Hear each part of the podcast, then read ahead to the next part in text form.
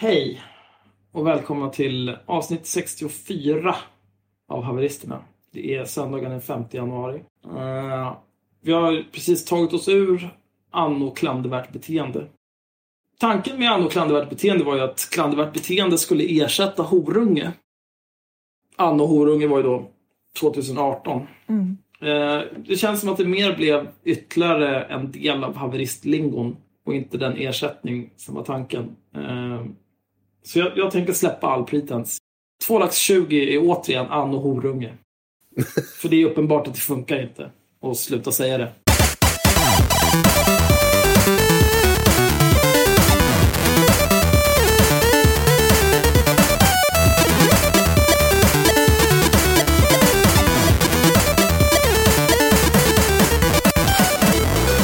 Varje gång vi säger så kommer det blipas. Ja, även nu när jag... Ja, det. Det ska jag i och för sig sluta säga.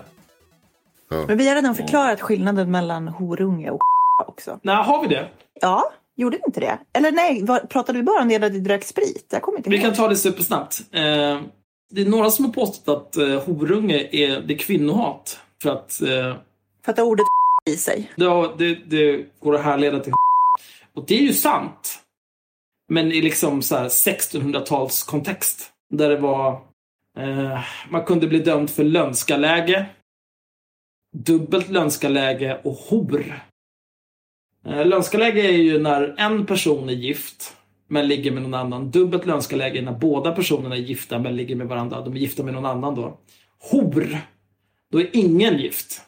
Och kvinnan som begår hor är en eh, Mannen som begår hor är en och horunge det betyder ju egentligen bara att man är född eh, utanför äktenskap.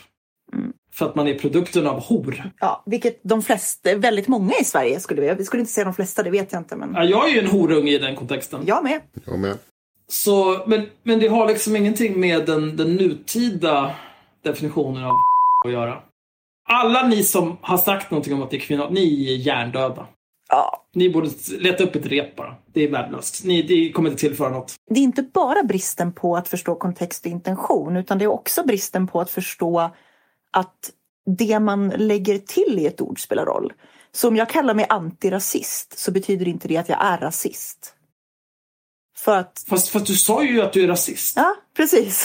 För det är det det blir med horunge. Det är så här, ja, men om, om du säger så är det för att du hatar kvinnor. Alltså om du säger i någon typ av kontext så är det samma sak. Vilket egentligen osökt leder mig in på Torbjörn Jallerup om vi vill göra en snygg övergång. Nej, men vi vill inte det.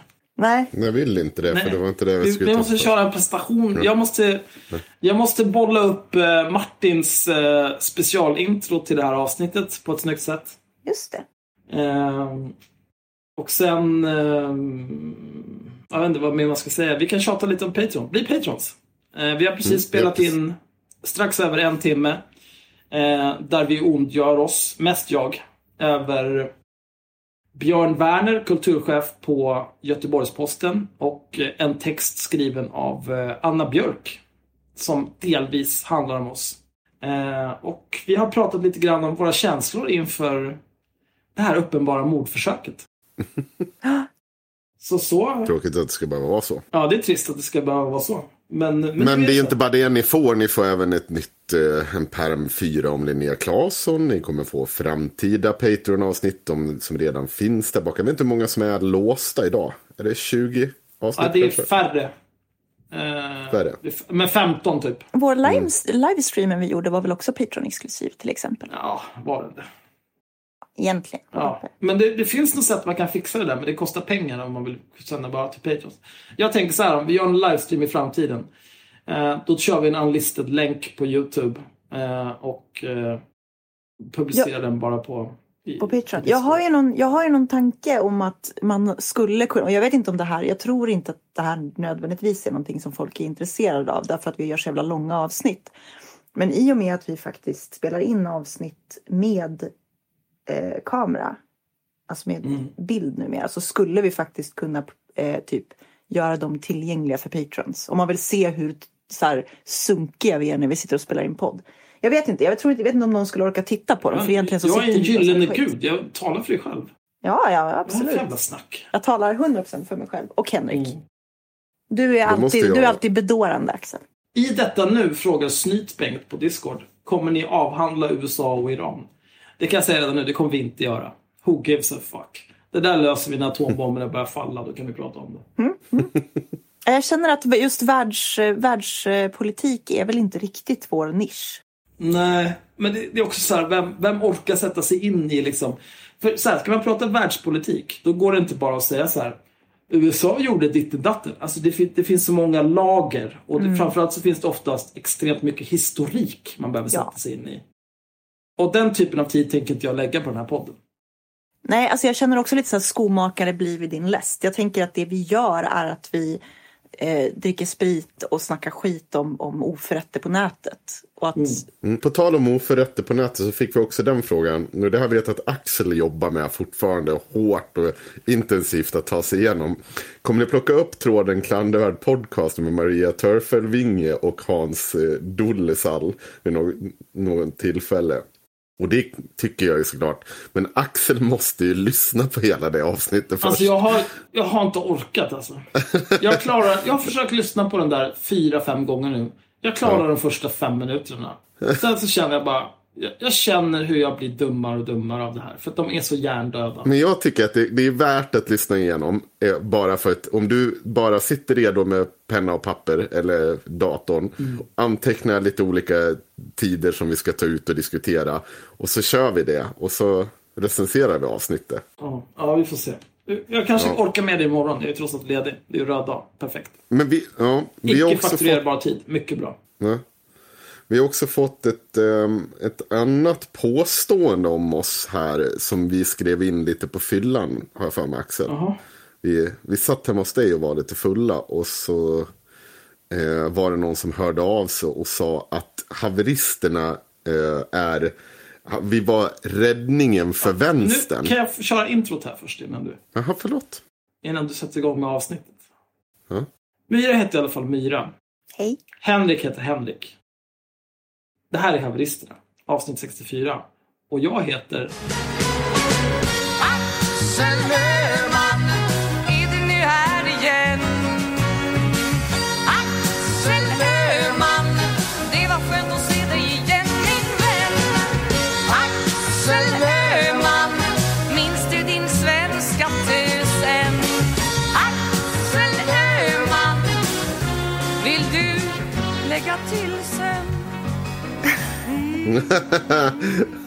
jag trodde du skulle göra en sån där Linnea Claesson-paus som hon gör i sin föreläsning hela Nej. jävla tiden. Fy fan.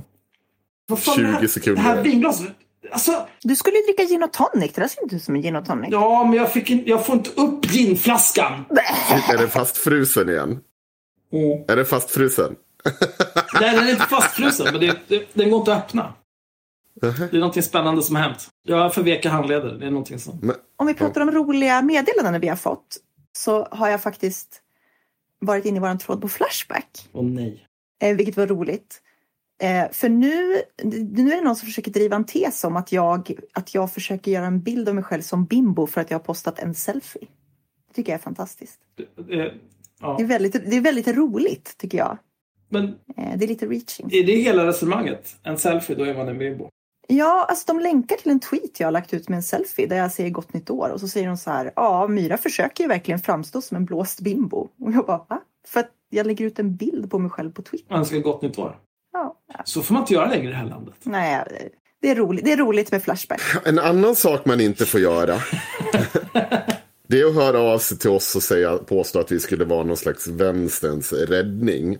För det tycker jag är osedvanligt korkat att göra. Framförallt för att det är sällan vi driver liksom någon egen tes och politik. Jag tror inte ens vi är eniga om, alltså att vi skulle kunna enas om vad den eventuella politiken skulle vara utan att vi slog ihjäl varandra heller. Jag är stalinist. Ja. Egenföretagande, stalinist. Världens mest nyliberala stalinist. Myra hänger mest pirat med Piratpartiet och jag är missnöjd sosse. Men framförallt så tänker jag väldigt mycket, jag blir rädd när folk skriver så. eh, För att jag vill liksom inte, för, för det där är som, det är som med, vad heter han, Malcolm. Eh, Malcolm Ky... efternamnet? Kyene. Kyene Bäckström va? Bara Kyene va? Det är väl hans syster kör väl Bäckström också? Ja. Okej. Ja, i alla fall. Han, det är liksom ett jävla tjat om att han är någon slags vänster. Men jag har aldrig, alltså det var ju år och dagar sedan jag såg honom spotta ur sig en lösning någonstans i någon slags vänsternarrativ eller på något sätt, alltså som handlar om liksom fördelningspolitik eller dittan eller dattan. Eh, jag tyckte han var superintressant i början, men sen så var det ju bara gnäll, gnäll, gnäll, gnäll, gnäll, gnäll, gnäll, gnäll, gnäll. Och så tröttnar man så slutar man lyssna. Och vi, risk, med risk för att vi blir likadana, men jag vill åtminstone i så fall värja mig från att vara någon slags lösning. Jag är inte lösning på någonting. Det vi möjligtvis kan vara eller vad jag skulle vilja vara många gånger, det är att vi skulle kunna vara vänsterns attityd. Inte att de ska sitta vänster ska börja sitta och skrika horunge till höger och vänster. Det där blipar Martin för övrigt. Ja, men horunge är men- fan- Horung är okej, det är inte får säga. Ja, okej. Ja, men jävla konstiga direktiv. Men okej. Eh, det jag menar är att, liksom, att vänstern inte ska vara bara en vandrande offerkofta hela tiden. För det känner jag många gånger att det har vi gått och blivit. Att man liksom, vi springer in med huvudet före i olika fighter och oftast kommer ut med en Åh nej, nu sa den här högermänniskan att vi var korkade. Åh, nu ska vi liksom ha det på vår agenda i tre veckor på Twitter. Det är ganska ointressant. Är det inte lite precis det vi gör? Sitter och gnäller om så små oförrätter på internet. Jo. Men jag sa ju att vi inte heller ska vara, men alltså, det finns ju liksom en annan typ av attityd kring det. Jag, så vi sitter ju inte och gråter om att, eh, ja men du, som du kommer ta upp nu. Eh, eh, och som du kommer driva tesen om att nu har någon fått kritik Ja, ja, för, en, för en krönika. Eh, utan, och nej, vänta, vi är ju precis allt det här. Helvete, sluta kalla oss en lösning och lyssna bara på för att det är kul. Jag, jag hör att jag bara snurrar, snurrar in, det är lika bra att ge upp. Vi är precis de gnällspikarna inte vi vill vara. Kom inte och säga att vi är någon lösning. Kom, ge vänstern lite attityd istället. Och så behöver inte det nödvändigtvis vara vår attityd då, som sagt eftersom vi tydligen också är gnällspikar. Eh, snacka om att få en epiphany precis när man sitter och pratar. Det var ju bara att lägga ner det där snacket. Det hade jag inte tänkt igenom innan. inte har jag någon sprit att skylla på heller. Så att, ja. Jaha, Det var väl en bra öppning. Men då går vi vidare till nästa punkt. Klipper du bort allt det här då Martin? För det här var bara skit. Ska du ta Erika? Myra. Berätta. Ja, men vi kan väl ta en person som gör precis det här som jag hoppas att jag inte gör särskilt ofta. Du, du, Eh, du menar du som just gnällde om att någon hade gnällt över dig på Flashback? Nej jag, nej, jag tyckte att det var roligt. Jag tycker att det är roligt. Okej. Nej, jag, tycker, alltså, det, jag älskar när... Bra räddning där. Nej, men jag älskar när kritiken ligger på den där nivån. Det var ju samma sak när jag började med IRM.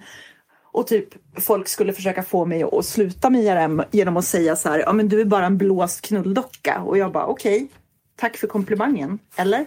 Eller va? Jag, jag har så här, jag har gjort övervakade IQ-test. Jag vet att det inte är blåst. Det, det, liksom, det rinner av mig. Det är lugnt. Ni får säga så där. Jag bryr mig inte. Jag bryr mig jättelite Jag om önskar vad att jag folk... vore dummare alltså.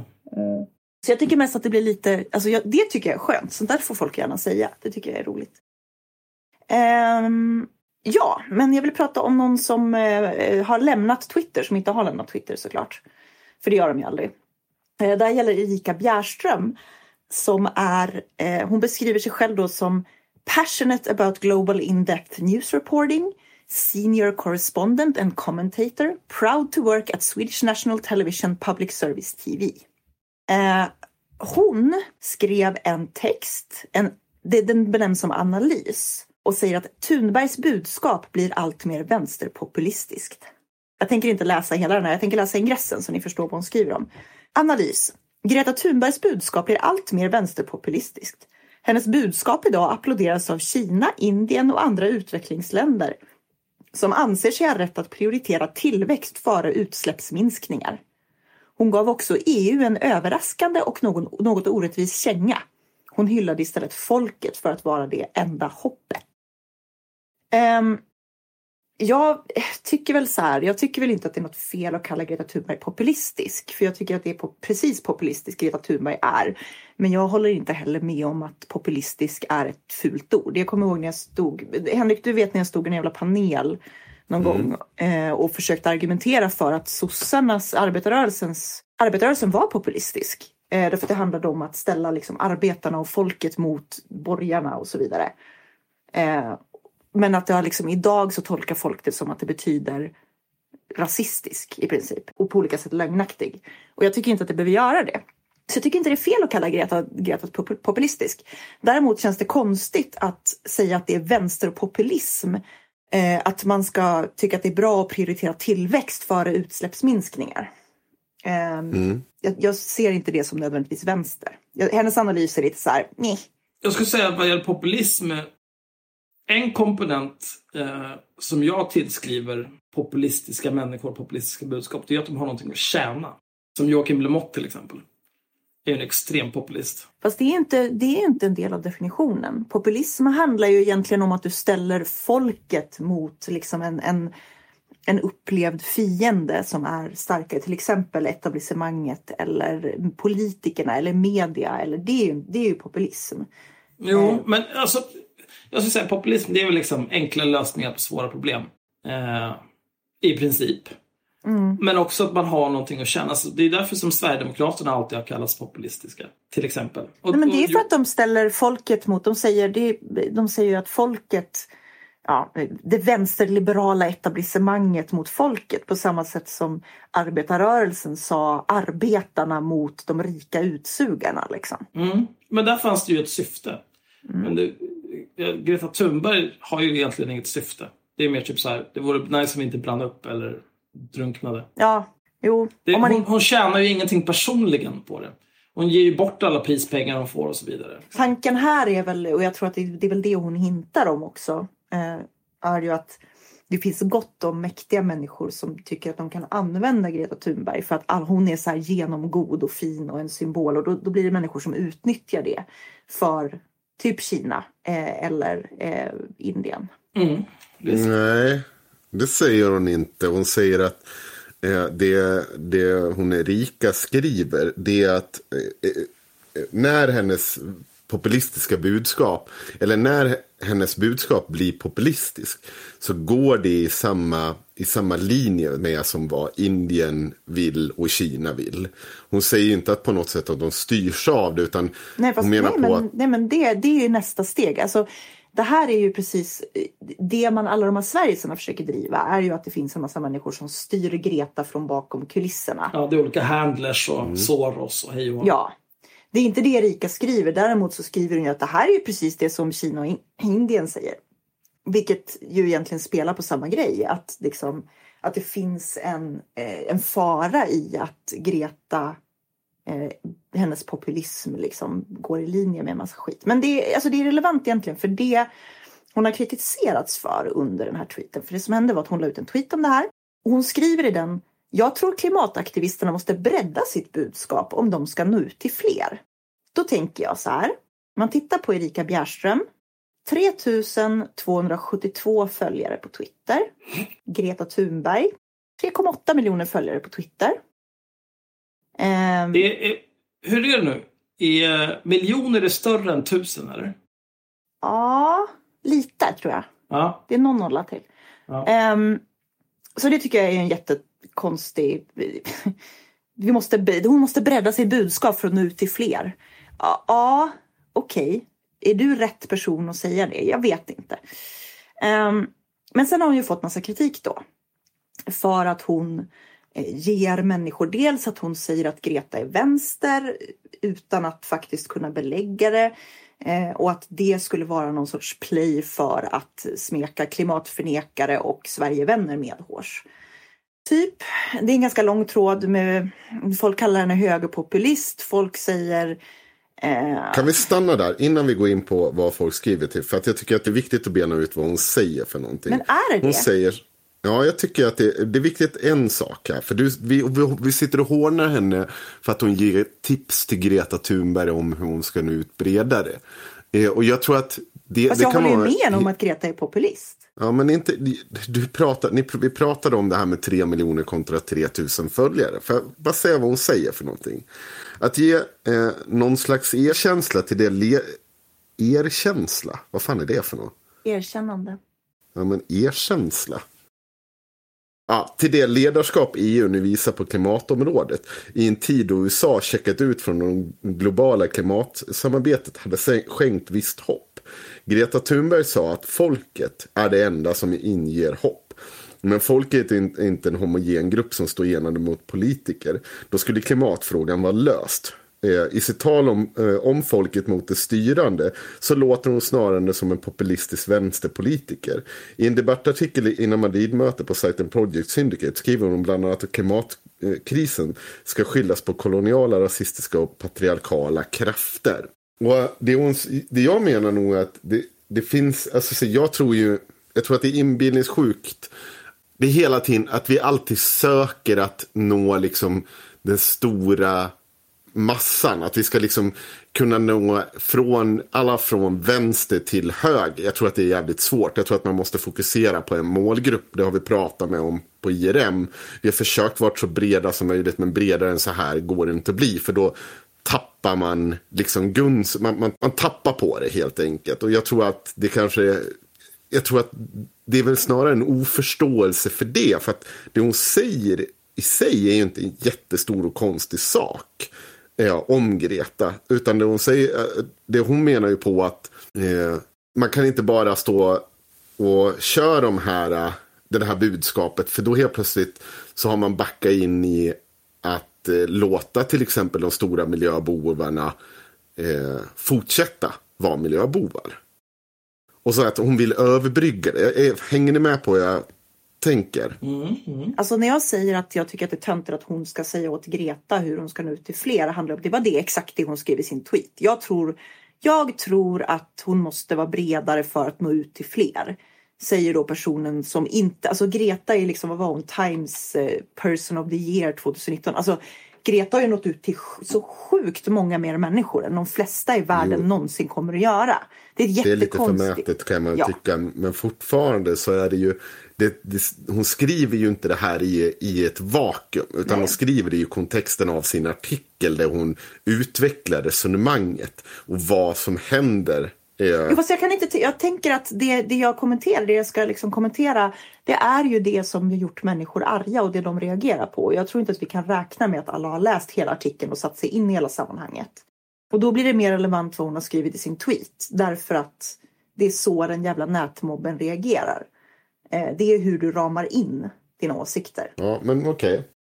Oj. Hon har själv presenterat texten som Greta talar om folket mot de styrande. Hon låter allt mer som en vänsterpopulist. Jag tror klimataktivisterna måste bredda sitt budskap om de ska nå ut till fler. Det är vad hon tweetar. Mm. Eh, sen att hennes text har fler nyanser, absolut. Men det är inte, tror inte jag att generellt att mobben bryr sig om. De brukar inte bry sig om det när jag skriver saker i alla fall. För de är dumma i huvudet. Men trots det här så har jag hennes svar Alltså de är inte så jävla farliga. Jag som ändå har retat upp Lamotts följarskara ett par gånger har ju sett betydligt värre än så här. Hon får jättemycket kritiska kommentarer. Hon har i nuläget på den här har hon eh, 371 svar. 800 likes. Och de flesta som säger någonting om det, det är ju liksom det är någon från Bonnier som skriver att SVT tycker till så här i analyser. Det är populism. Jag förstår att det kan dra engagemang, Jan Helin, men ser ni inte hur ni skjuter fötterna av er som public service? Eh, och så vidare. Och så är det folk som säger, jag har alltid gillat dig i ditt arbete, men vad är det här? Det är ja, deppig brist på genomslag, flera några miljoner i världen över. Det är folk som säger effektsöker, att det är effektsökeri. Sen kommer det in några som säger så här, du blir allt mer högerextrem på SDS, SDTV, SVT. Patetiskt. Jag trodde du var en seriös journalist, men icke. Vilket ju är en en töntig jävla kommentar, för att det där är ju inte... Eh, men det är något anonymt konto som skriver så. Men de flesta kommentarerna är kritiska, men de är ju inte liksom eh, Joakim Lamotte-följare, jag hoppas du blir våldtagen-nivå. Skulle jag säga. Fast jag tycker, jag håller inte med. Jag tycker att de är i, i för så ser inte Joakim Lamottes följa kommentarer ut när man väl sätter sig ner och benar ut dem. Det är ju en liten del som är på den nivån. Jag, tog, jag har tagit fram ett gäng kommentarer. Då ser man så här. Niklas, USA, We the people, Erika Bjärström, kommunist! Eh, Josefin, varför skriver du så här? Att rikta in en ung tjej på en politisk sida och givetvis vänster är både patetiskt och otroligt illa gjort. Du borde ju förstå vad dina texter leder till. Joakim, se där ja.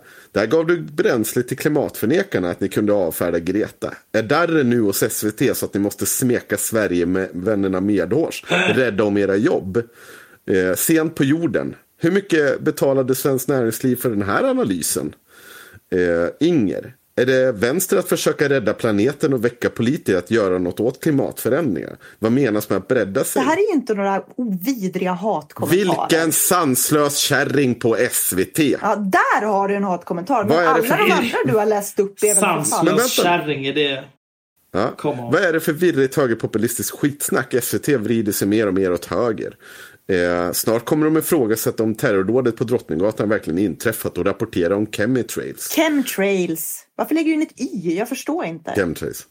Om detta är din analys av klimatfrågan och Gretas engagemang så tror jag nog du gör bäst i att hoppa av ditt nya uppdrag illa kvickt.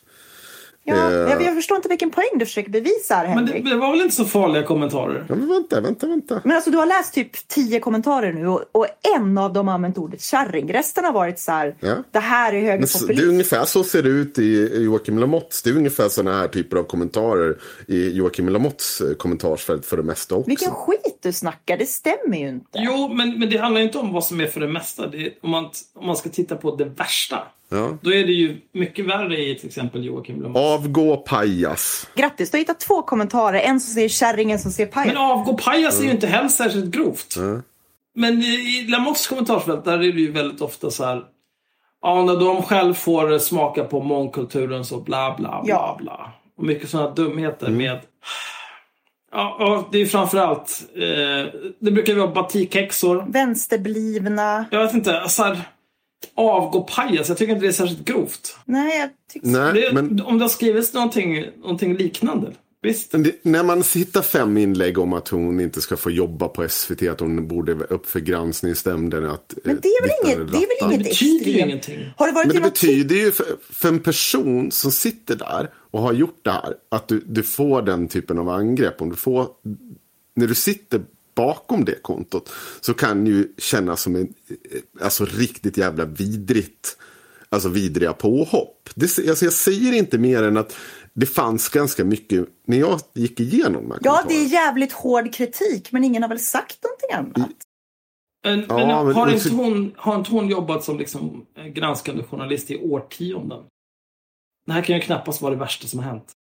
Ja, tydligen är det Ja, ju det det värsta som har Att de skriver avgå pajas, det är ju liksom... Ja, det vet jag väl inte om jag... eh, Jag, jag har jag, ingen aning. jag, jag tycker inte att det är särskilt grovt och jag tycker inte att det är jämförbart med det jag har sett i Joakim Lamottes eh, kommentarsfält. Men jag har inte... Jag har varken detaljstuderat dem eller hennes kommentarer. Jag sa väl att jag har sett grövre i Joakim Lamottes kommentarsfält. Det sa jag. Mm, ja, visst. Ja. Men, men jag tycker inte att något av det här du läste upp nu var särskilt grovt. Nej, nej, men jag har, jag vet inte hur många flickar upp är. Det är en, två, tre, fyra, fem, sex, sju, åtta, nio, tio. Eh, Och det är 22 Ja, och de du har läst upp kommentarer. hittills, Då har jag inte ens de du har läst upp kommit... hittills har varit hård kritik. Men det har ju Mm. inte varit liksom personliga påhopp eller... Avgå pajas i och för sig.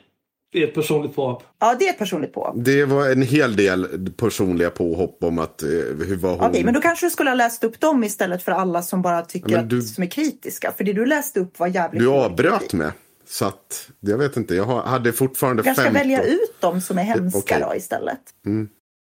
Okej. Om du vill göra en jag, poäng, jag, menar jag. jag menar nog att det här är, inte sker, i, än en gång, det sker liksom, det är inget vakuum kring en kommentar. Men om, om fem kommentarer handlar om att hon borde, liksom, inte borde ha sitt jobb kvar. Då, tror, då skulle jag känna mig ganska så angripen. Säkert. Har du sett, har du sett eh, någon, en enda post? Ta- Vi kan ta upp en post på Twitter av typ Anders Lindberg till exempel kan vi ta. Men det är väl ganska standard att eh, liksom, just nu så kommer det här från olika typer av eh, vänstermuppar. Ja, och det är Om du ovanligt. tar någon, någon skribent som är liksom uttalat vänster eller som uppfattas som vänster. Då är väl det här standard. Att det kommer den här typen av ja, pajas, hej och hå. Från olika typer av högerspöken. Och sen, det är väl bra för folk att se att så här, den, den här typen av jävla superklossar, de finns på vänstersidan också. Jo, men jag, tycker att min, jag tror att någonstans så skulle min koka ner till att det hon har skrivit motsvarar ju långt ifrån reaktionerna. Alltså det är Men precis det är som... ju standard, det är precis det som är min poäng. Jo, men... Det här är Twitter. Har du sett hur du, du måste ha sett hur det ser ut på Twitter? Jo, det har jag väl. Men jag- ska vi, alltså ska vi, ska, måste alla hantera det på det sättet som vi har gjort hanterat? Jag tycker att en människa som jobbar åt public service ska kunna ha, få en kommentar med avgå pajas utan att ta på sig offerkoftan. Ja, det tycker jag. Ja, jag, jag säger nog att det var mer än en kommentar. Jag kan överlag tycka att journalister är ganska gnälliga. När det kommer till deras närvaro i sociala medier. Mm. Det det är klart, det finns de som så här bara, ja okej, det är kul att du har en åsikt, men du är en kloss, jag skiter i dig. Men när det är folk, det är ju sällan det händer att någon håller på så här och bara, nej men nu springer jag till skogs och gömmer mig för det var så hemskt tråkigt klimat här, jag blev kallad nazist och hej och hå. Jag börjar inte grina och sticka en offerkofta när till exempel Anna Björk påstår att vi har en agenda som handlar om att invalidera metoo. Det var lite det du gjorde. Nej, nej, jag skriker bara. Jag skriker i en timme om det. Men vi Och kan ta det så här, jag tag, tog en tweet, en av Anders Lindbergs, Aftonbladets nyaste tweets. Eftersom du läste upp alla de här hemska svaren nu Henrik. Här har vi Roger Salström som säger Säger killen som tillhör en rörelse där handhjärtan och flaggviftande är extremt viktiga. Hashtag SVPOL. Så han, har verkligen snöat in på handhjärtan. Han har Ja. hållit på med det i typ två år nu. Han är en boomer. Sen kommer det så här, vänstern tror på fakta. Visste inte att Anders Lindberg sadlar om till komiker. Det var det roligaste läst på ett bra tag. Anders Lindberg. SV Pool tagg såklart. Ehm, alltså det är så här, det ser ut precis som det du beskriver. Ser ut under varenda tweet Anders Lindberg gör. Det är liksom, ja, det är, det, det är inte kul. Det är inte kul för någon som utsätts för det. Det töntiga här är ju att den här personen då sen går ut efter det här hon har fått den här typen av reaktioner där folk bara ah, du, var- du är dum i huvudet som inte, ja, det säger de inte ens. Avgå pajas. Avgå pajas och säger du SVT håller på att bli högervridet och så vidare. Det här är standard. Jo, fast jag tänker värja mig mot att det fanns en tweet där det stod avgå pajas. Det fanns mycket, mycket mer. Jag stängde ner alla nu. Ni var inte intresserade av att höra dem. Så då, ske, då sket jag i det och gick vidare. Jag var intresserad av att höra om det fanns något grövre än avgå pajas. Ja, det fanns allt ifrån att hon borde få sparken från sitt arbete. Vilket jag skulle ta som ett extremt personligt påhopp. Även om jag inte sitter och kallar någon det är, det är som jag säger, kontext, vi, vi har pratat om det skitmånga gånger. Det är klart att om det sitter fem jävla idioter och kräver din avgång från ditt liksom, betalda jobb för att du har skrivit en krönika på uppdrag av din arbetsgivare.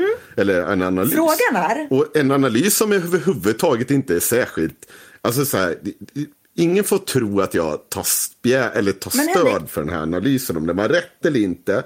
Däremot så, så det var inte särskilt, det, jag förstår inte hur den kunde generera den här typen av reaktion. nej men det är inte det jag pratar om. Jag håller ju med om att Greta är vänsterpopulist. Det är inte det jag pratar om. Jag pratar om hennes offerkofta. Men då kan jag fråga dig istället så här. Hur skiljer det sig att säga att eh, en anställd på public service borde avgå för att de uttrycker en åsikt som du tycker är vinklad. Hur skiljer det sig från att du har kritik mot att Linnea Claesson tar ut skattepengar för sina föreläsningar? Är inte det precis samma jävla sak? Jo, det kan det väl absolut vara. Men frågan här var ju, hon gjorde ju en analys av läget. Hon har ju liksom, det var ju precis det de ville att hon skulle göra. Precis som när de tar in en, någon typ av inhemsk politisk expert som de frågar fast om varför, den, varför ett parti gör si eller så. Men hon är Fast ju... hon är journalist. Ja, men SVT har ju köpt... De har ju betalt henne för att skriva en politisk analys. Ja, och då kan man ha kritik mot dem. Precis som Ja, det är klart man kan. Det sa jag, har jag sagt någonting emot det? Ja, för du sa att, att det var dumt att skriva att de skulle bli av med jobbet. Det är väl som att säga Ja, att... ja, det tycker jag är att ta i lite. Det är lite det här när man pratar om eh, deplatforming. Att vi ska, ska vi syssla med deplatforming för att någon skriver den första typ kritiska artikeln jag har sett inom SVT om Greta Thunberg. Och det är inte supervild kritik heller. Den säkert har sina poänger om man är mer insatt i diskussionen. Jag kan ju liksom inte målsättningar av Kina eller Indien. Så det är lite svårt Men för jag mig att göra. skiter i hennes artikel. Alltså det är klart att hon ska få skriva den här artikeln. Det är klart att hon har rätt i den åsikten. Hon har också rätt i delar av sin analys. Poängen här är väl att så här, att sen hon då, för det, det har vi inte ens kommit till därför att du skulle visa hur hemskt det här drevet var. Det är att hon sen går ut och skriver en tweet. På SVT gör vi en granskande analys av en av världens mäktigaste opinionsbildare, Greta Thunberg, av hennes retoriska förflyttning. På Twitter anklagas jag efter 37 år som folkbildande miljöjournalist vara nazist, klimatförnekare, köpt av oljebolagen. Ovärdigt, hej då Twitter. Och det här stämmer Ja. inte. Jo, det gjorde det. För det var skitmånga som påstod att hon var köpt. Man gick in och på, började påstå att hon hade eh, tillhörde någon slags miljö, eh, någon slags oljeorganisation. Som hon, du kan se det om du bara slår upp hennes svar så svarar Men det hon var det inte den att hon var honorary fellow från någonting blaha blaha som Ja, får precis. pengar från... eh, Ja, olika typer att hon var medlem i den organisationen. Och så säger hon att nej, jag är inte medlem i den organisationen. Jag har varit på ett möte med kollegor där. Ja, men min poäng är fortfarande att det här är inte särskilt farlig, det är inte en särskilt farlig reaktion.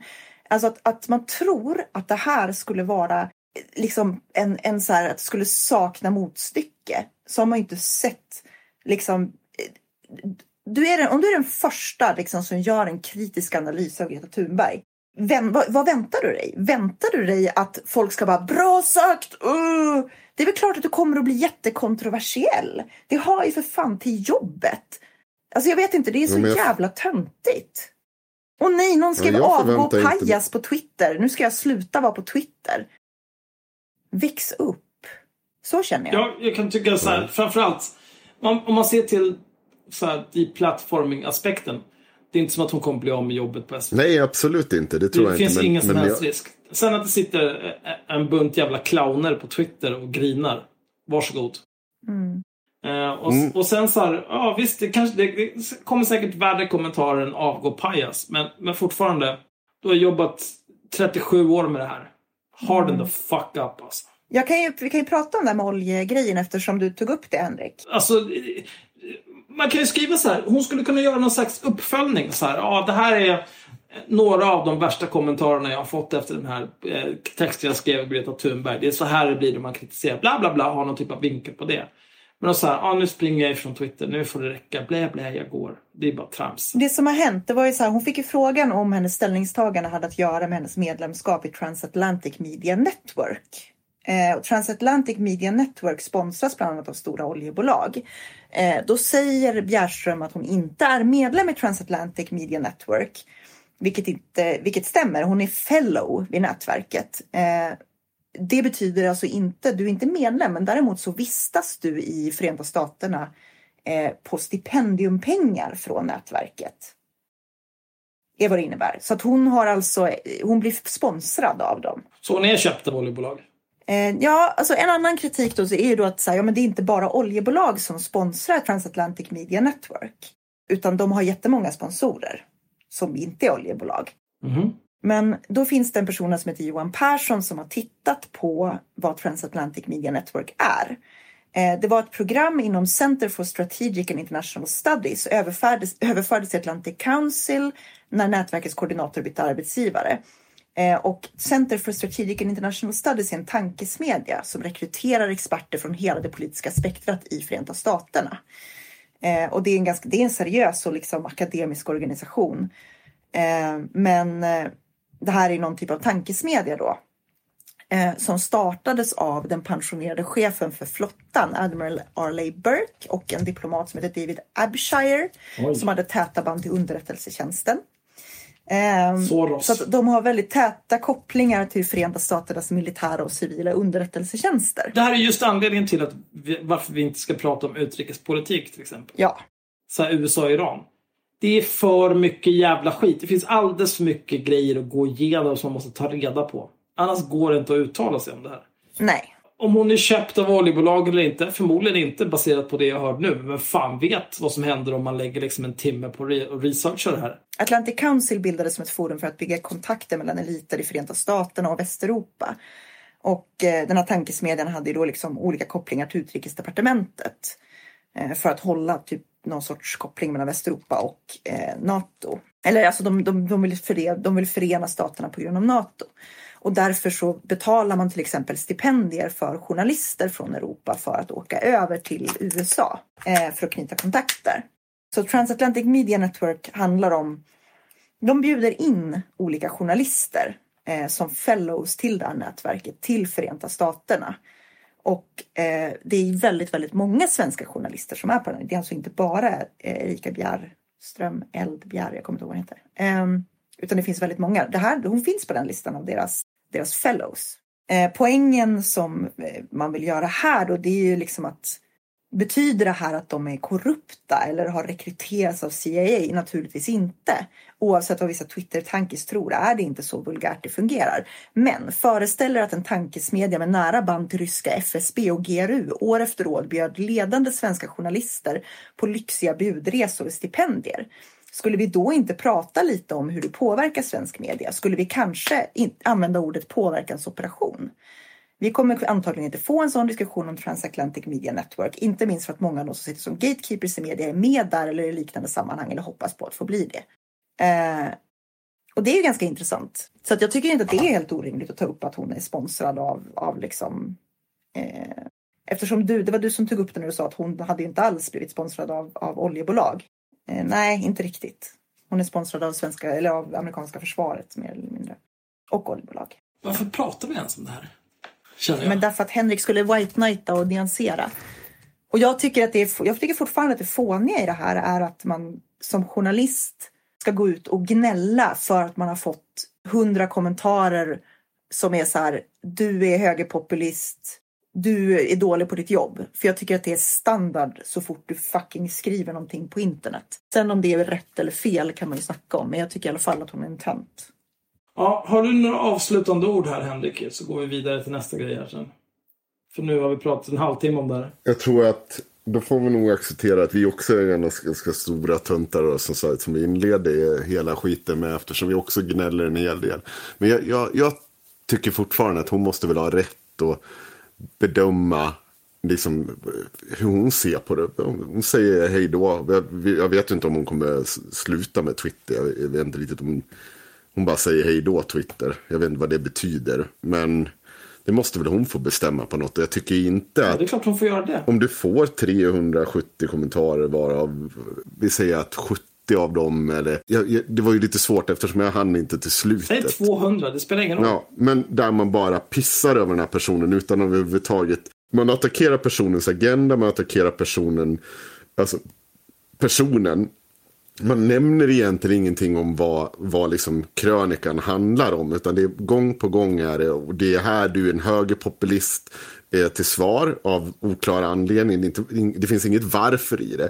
Så om du sitter på den i den andra änden av en sån sak. Då kan du nog ta jävligt illa vid. Men det får de väl göra. Det är väl på samma sätt som Lamotte såklart får vara livrädd för att åka ut till Trollhättan. Men inte står den här snarare att eh, inte så mycket så här boomerjournalist eh, säger hej då Twitter på grund av tråkiga meddelanden. Står den här är väl snarare att ja, du trodde att det bara var högerspöken som var helt jävla efterblivna på internet. Nej, det är också vänsterbanditer. De är också helt jävla efterblivna. Och de kan verkligen bli det. Men alltså, det är väl bara... Jag, Men, men det är ju alla de här människorna, alltså, Men båda sidor är lika illa, det är ju det. det, det är ju stövelslickare som vill ha en stark ledare. Vissa av dem har hittat en stark ledare i liksom Jimmy Åkesson, några andra har hittat en stark ledare i Greta Thunberg. Det är samma slags slödder.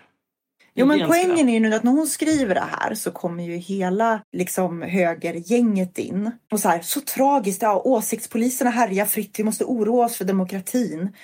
Och det är en massa så här äckelhögermänniskor som ska komma in och stötta henne i det här och bara, ja, det här är typiskt vänstern. Nej, det är inte typiskt vänstern, det här är typiskt idioter på internet. så, så långt jag kom så såg jag inte jättemycket av dem. Men okej, ja, då kan jag... Nej, okej, absolut. Oj. Absolut. Här är en typisk kommentar. Ja, det... Välkommen till verkligheten för alla höger om S de senaste tio åren. Dessa personer avskyr alla som tycker annorlunda än de själva har oftast inga spärrar eller någon heder överhuvudtaget. Överhuvudtaget särskrivet. Motståndare ska svartmålas och tystas till varje pris. Ja. Såna här idioter tycker att det här är skitbra. Jo, men det är ju, alltså, det är ju, häst, det är ju häst, en typisk hästsko. Exakt. Det är liksom, Targe är Targe. Mm. Wow. Och de finns i både vänstern och högern, vilket ju är lite grann Ja, 100 vår, procent. vår, vår affärsidé nästan. Det man kan göra med dem, det är att du har, du har ett fält där du vill odla någonting. Där kan de göra nytta. Som gödsel. Mm. Men så får man inte säga längre i det här jävla landet. Mm. Nu går vi vidare. Mm. Nu räcker det. Mm. Vad vill ni prata om nu? Vi, vi kan ta en lite snabb uppdatering och ta något lite mer ledsamt. Eh, jag har eh, tittat lite på den här Workish-appen som vi pratade om i förra avsnittet. Mm. Eh, de har faktiskt klarat av att eh, kryptera kommunikation till deras hemsida nu. Så det är otroligt. Grattis! All information du skickar när du registrerar dig på deras sida och söker olika typer av jobb och sånt. De är inte fritt fram för kreti och pleti på internet och bara slicka i sig längre. Kryptering, wow vilken grej. Fantastiskt. Det kan också vara så att jag, när jag använde deras app, missade att de hade kategorier. För när jag senast tittade på den, Eh, då fanns det kategorier. Det kan vara att jag har missat det när jag tittade, för att eh, det var pissdålig design. Det kan också vara så att de har lagt till det i efterhand. Jag varken vet eller bryr mig. Eh, men jag har avinstallerat appen nu. Det senaste jag såg var att det sista jobbet som kom in var fortfarande innan jul. Eh, Så det verkar inte gå jättebra. Och många av jobben var fortfarande trolleri, trollera som ligger kvar. Till exempel, hej jag heter Linda, jag behöver hjälp med att radera poster på Instagram. Uppenbart troll. Mm. Men eh, det är, ingen som går igenom det där trots att det är kanske 15 jobb som ligger ute totalt. Det är svårt att steka dem som är uppenbart på. Men okej, ni är jätteduktiga. Annat som hänt i appvärlden är ju att eh, Mira Aksoy, denna gigant bland giganter, som först var någon typ av moderat, kallade sig själv Midnattsblå. Redan då visste jag, mm, mm, mm, Mm. du kommer bli nazist. Det, det är en slippery slope det där. Ja, och skryter också med att hon är italienskt utbildad modekommunikatör. Hennes nuvarande Twitter-bio är nationalkonservativ, skribent och italienskt utbildad modekommunikatör, absolut. Älskar språk och vackra hus. Och fascism. Och fascism. Det skriver hon inte. Men det är... Fram. Nej. Men det är också en grej hon är positiv till. Mm. Hon har startat en Kickstarter för en konservativ datingapp. Jag har fått svart på vitt att efterfrågan verkligen finns för en seriös app där konservativa svenskar kan hitta kärleken. Jag har hittat ett bra team som kan göra det möjligt. Stötta projektet. Och så har hon en Kickstarter. Eh, först så tänkte jag så här, fan Aksoy, det låter inte som ett svenskt namn. Varför pratar hon om vad konservativa svenskar vill? Men så får man ju inte säga längre i det här landet. Ut. Ut bara. Herregud, det var väl nog med inhemska fascister. Jag, jag, jag, vill, jag vill också inflika att en annan grej som Mira Aksois gör eh, innan vi går vidare till det vi faktiskt ska prata om är att hon har en blogg. Där hon har gjort en bloggpost om eh, modetips för, eh, för herrar. Höstig stil och trendguide för män är det senaste inlägget på hennes blogg. Oj. När är det skrivet? Eh, augusti i år. Mm. Mycket aktiv blogg. Ehm, jag tänker inte läsa hela, hon har skrivit sju riktlinjer och, och så här. Men det här var lite roligt. Eh, en av två framstående trendkategorier denna höst och vinter kommer att vara släktskap. Nyckelorden för denna trend är basics, uppdaterat arv, mys, americana och region, regionalism. Lite John Steinbeck om han levt idag. Vad betyder det här? Parentes, ni måste dock inte bli kommunister för det. Hehe, slutparentes. Jag tror att denna tillsammans med svenskarnas kärlek för funktionalitet kommer att bli en höjdarkombo för svenska män i höst. Med detta sagt ogillar jag slapphet och tänker att man kan blanda in denna trend på ett skönt sätt utan att göra avkall på den mer konservativa looken jag föredrar. Fan vad keff hon är. Det betyder ju ingenting. Nej, det är bara rappakalja. Men hon har sin jävla datingapp här. Vi ska se här vad hon skriver på Kickstarter. Mm. Hjälp mig att skapa en seriös datingapp för konservativa personer i alla åldrar som vill hitta kärleken. Idag sker den största delen av all online-dating via Tinder. Många har tröttnat på det ytliga, oändliga swipandet och vill hitta en seriös person som man vågar bli förälskad i. Jag har ett stort antal konservativa följare i sociala medier. Har det? Har det? Ska, det tar vi reda på direkt. 11 000 på Twitter. Det är respektabelt. Färre än jag. Eh, jag har ett stort antal konservativa följare i sociala medier och efter att ha testat matchmaking via mina egna kanaler inser jag att det finns en stor efterfrågan på en seriös app för dating. Det är ibland svårt att som konservativ hitta likasinnade att träffa då det är tabubelagt att vara konservativ i många sociala kretsar. Här kan vi ta en snabb liten paus. Det är en extremt stor skillnad på att vara konservativ och på att vara nazist. Mm. Jag tycker också att det där, det finns ju en eh, någon Facebookgrupp som heter så här SD-dating eller någonting som har typ två medlemmar. Mm. Extremt bra. Så jag, jag skulle inte säga att underlaget är skitstort av allt att döma. Kanske för att 90% av alla, alla såna här nassekramare är män. Men Mira Akso är ju också till höger om SD. Ja, Hon gick ju från att vara med i MUF eller Moderaterna, fan det var, när hon var midnattsblå. Sen så, så fick hon någon typ av insikt och bara, nej för fan, invandrarna. Och så blev hon Sverigedemokrat. Och sen så var hon med i eh, Kristoffer Dullny et als efterblivna podd eh, Vita pillret. Och då eh, blev hon utesluten ur, vad heter de nu, Ungsvenskarna? Eller någonting. Det nya eh, ungdomsförbundet för Sverigedemokraterna efter att de gjorde sig av med Kasselstrand, norra Europas största panna och de andra pajasarna. Eh, och så satt de och grinade. Mira Axel satt och grinade på Twitter. Dullny satt och grinade på Twitter. Dullny var ju bäst. Han sa här, jag blev faktiskt inte utesluten ur SD. Nej, Det ihåg. Du, du lämnade direkt när det avslöjades att du satt och heilade friskt på Flashback. Då insåg du att det är dags att gå. Eh, Jag kommer ihåg den där bilden, det är fan den bästa bilden, när han sit- sitter i en bil och ser så jävla rädd ut. Han ser ut som ett litet, som någon slags, liksom, en liten ren som har brutit benet. Flyr från reportrarna. Vilken jävla tönt alltså. Eh, därför, för att minska ytligheten och behålla integriteten hos användare kommer min app att erbjuda kontaktannonser där man inte ser bilder på en person om man inte matchat med den. Endast profilbeskrivningen kommer synas först. Tänk er den här typen av eh, konservativa män vad de kommer ha för profilbeskrivning. Kommer det gå att skilja den andra åt? Jag tror inte det. Nej. Användarna kommer att erbjudas ett begränsat antal matchningar åt gången så att man kan veta att den man är intresserad av inte har ett tiotal konversationer igång samtidigt. Absolut. Men hur ska ni monetisera det här? Ni kommer ju givetvis sälja fler matchningar.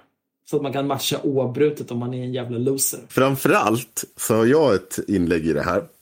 Hur kommer eh, Mira Aksois eh, konservativa singlar stå sig mot gruppen nationella singlar? Ja, Har jo. ni hört talas om den någon gång? Nej, det känns till. Eh, Jag kan läsa lite här. Eh, Elisabeth gör ett inlägg. Eh, Radio söker singlar till stora projektet Chans till romans. Ensam nazist söker. Det finns en jätterolig video som gör satir av det här vill jag minnas. Freudian släpp. Okej. Ja, det här är det. Här är det. Okej, namnet är fortfarande oklart, eventuellt öppet för, för förslag. Men den som är intresserad kan väl PMa. Är det här typ av reality, det här är Gustav som hör av sig, är det här en typ av reality show, Paradise Hotel för nazister? Elisabeth, det håller på att slippa, eh, eh, slipa på upplägget men det pratat om sedan ett tag är att man skriver, spelar in en presentation av sig själv, skickar eh, till den. Tanken är att få ihop något eh, eh, i deras radio, ska kolla med dem hur långt de har kommit med det. Och då är det en, eh, en Kristoffers skriver, nazist söker fru kanske, som förslag. Det är så jävla bra. Den här gruppen är awesome. Ska vi se. Den här, vad skriver den då? Jag tänkte ta på att vi nationalister ligger i ett moment 22 när det gäller att hitta parter. Vi vill gärna hitta en vettig man, kvinna, man slash kvinna med bra värderingar och sunt levnadssätt. Men den enda platsen vi kan hitta dessa är, eh, hit, där vi kan hitta dessa är organiserade. Däremot är det stigmatiserat, inte bra, att dejta en kamrat. Och skulle vi hitta någon utanför rörelsen är vi eh, som vi är engagerade i så finns inte eh, tiden att umgås med våra partner då kampen tar upp större delen av vår fritid. Så hur gör vi? Det är så jävla bra. Elisabeth. fan vad tragiskt. det här är skittragiskt. Uh, nu ska vi se. Eh, god afton, eh, det här är Elisabeth. Trevligt att fler presenterar sig. Dock behöver jag komma med någon påminnelse om vi vill prata med varandra. Har varit ett visst bortfall utav kvinnor som upplever att bemötanden inte varit av önskad karaktär. Vissa, inklusive jag själv, har en jargong och humor som kanske inte delar med eh, alla i sin omgivning. Så tänkvärt att vi, när, att vi lär känna varandra börjar hålla god ton och undviker onödigt trista kommentarer mot varandra. Eh, vi får påminna våra medlemmar om att det drar iväg och försöka hålla en eh, återhållen nivå och vårdad ton. God ton. Och då svarar Dan. Viktigt att nationella är precis lika svagsinnade som resten av folket. En säker zon för att eh, eh, ord faktiskt gör ont. Med hakors på kanske vore något patetiskt. Ja, och då svarar Elisa precis den negativa tid som inte uppskattas. Ja, och då svarar Dan. Helt ärligt, kanske det svagsinta borde sluta vara så otroligt lättkränkta. SD är nog mer passande för dem. Mm. Vi får se om det finns något mer ord. Martin Saxlind har lagt upp en, komment- eh, en bild på sig själv. Han- potatismannen. Ja, potatismannen. Och vill han hitta en dejt? Om någon vill dejta Martin Saxlind så kan de ju höra av sig till oss på haveristerna så kan vi förmedla kontakt. Ha- Han har fått en like. Åh nej. En like. Men en like, då får man ändå betänka. Det finns inte jättemånga kvinnor i Bland nassarna. Det är typ, den här sfären överhuvudtaget. det är typ Ingrid Carlqvist och eh, någras fruar. Mira Aksoy. Det är inte så många singelkvinnor framförallt. Ja. Roger hör av sig. Ska det vara så jävla svårt att hitta en vit kvinna? Och några säger, har du haft skägg? Jag gillar er kravläst. Varför måste jag ändra på mig? Janni svarar, varför skulle man behöva skägg för att bli accepterad som man? Knäppa kvinnor. Roger, ja totalt. Det var ju en jag pratade med. Kan inte du odla skägg? Det är så inne nu och du skulle passa i det. Ungefär som skulle jag, jag skulle be henne stoppa silikon i tuttan. Är det samma sak verkligen? Inte riktigt samma sak va? Så jävla Ja, men så här, dum. det, det, är väl skilda, alltså, det är väl mer att jämföra med så här, skulle du kunna klippa en annan frisyr? Den jämförelsen hade varit rimlig. Men säga så här, hörru du, kan du tänka dig att betala 50 lax för att göra en operation med dina tuttar? Men det är också så här att skaffa skägg. Det, det, det är inte mycket uppoffring. Kan du sluta raka dig i en månad? Ja. Då har du ett skägg.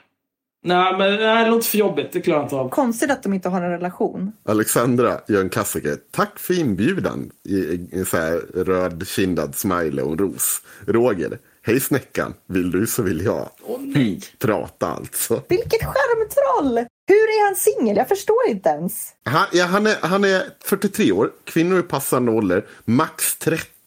Jag röker inte, jag dricker inte. Stor sexlust Ja, vill gärna ha barn. På min fritid gillar jag fiske, bowla, gå på bil, utställningar, solnedgång, picknick. Allt som förgyller vardagen. Endast vita kvinnor önskas. Med vänliga hälsningar Roger han skickar med en bild på sig. Kan du verkligen ställa krav? Känns det som att du är i en position att vara petig? Jag vet inte.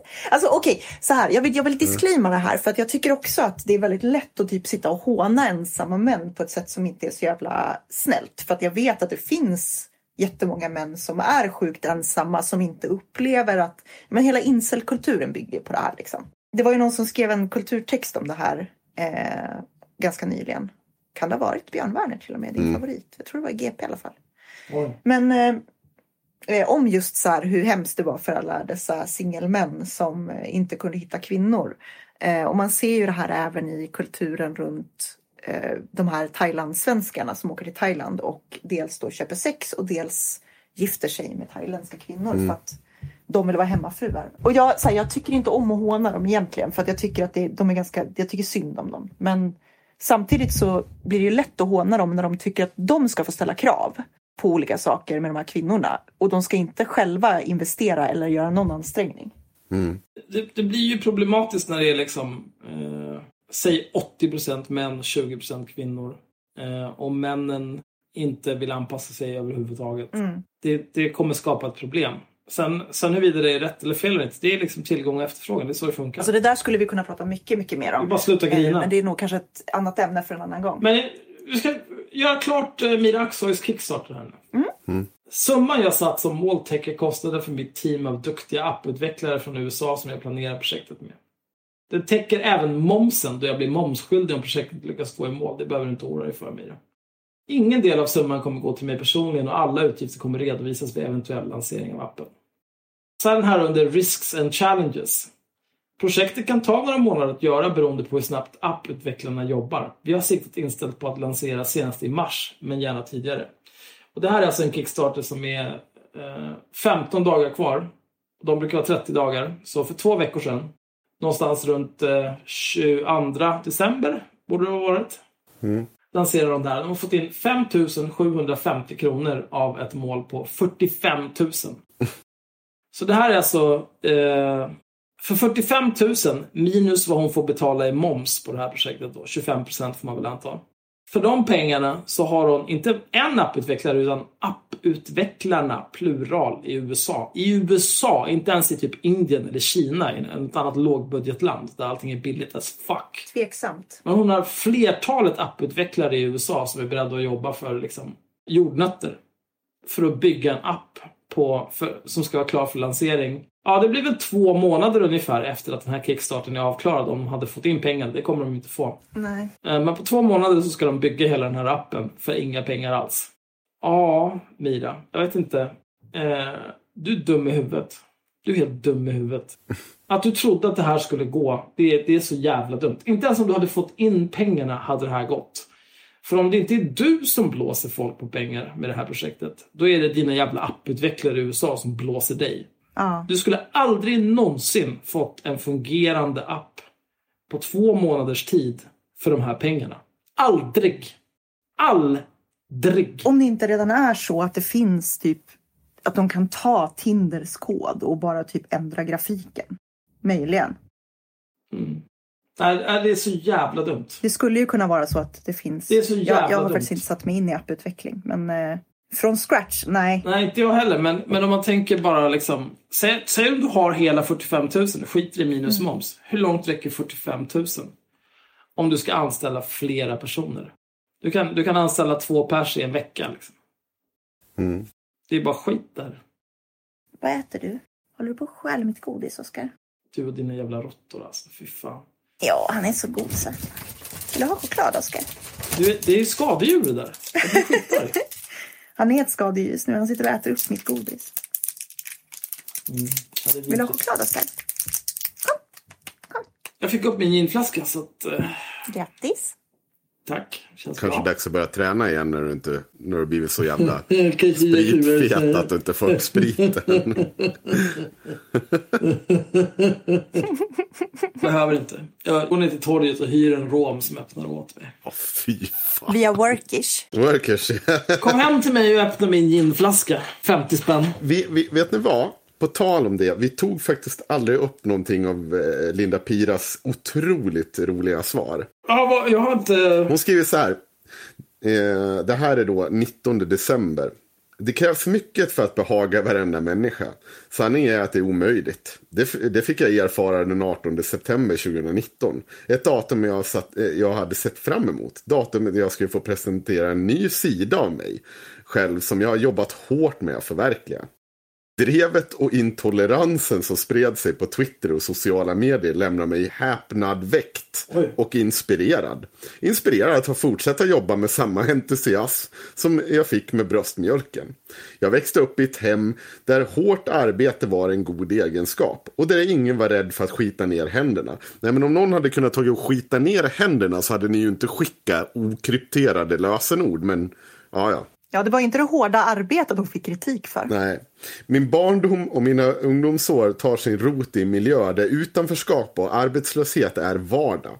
Appen Workers, som jag och mina kollegor har tagit fram, är resultatet av en idé som är av grundarna kläckte fram för många år sedan. Idén eh, har fötts av människor som själva har dragits med långtidsarbetslöshet, segregering och kraftigt utanförskap. I en socioekonomisk del av Sverige där så kallade arbetsmarknadsinsatser har hjälpt lika lite som eh, oförstående och inkompetenta lärare i skolan har gjort. Eh, och så fortsätter det på så här i fem sidor. För hon har ju lagt det här som bilder på sin Insta. Så som, om Insta av oklar anledning vägrar låta mig bläddra i det här.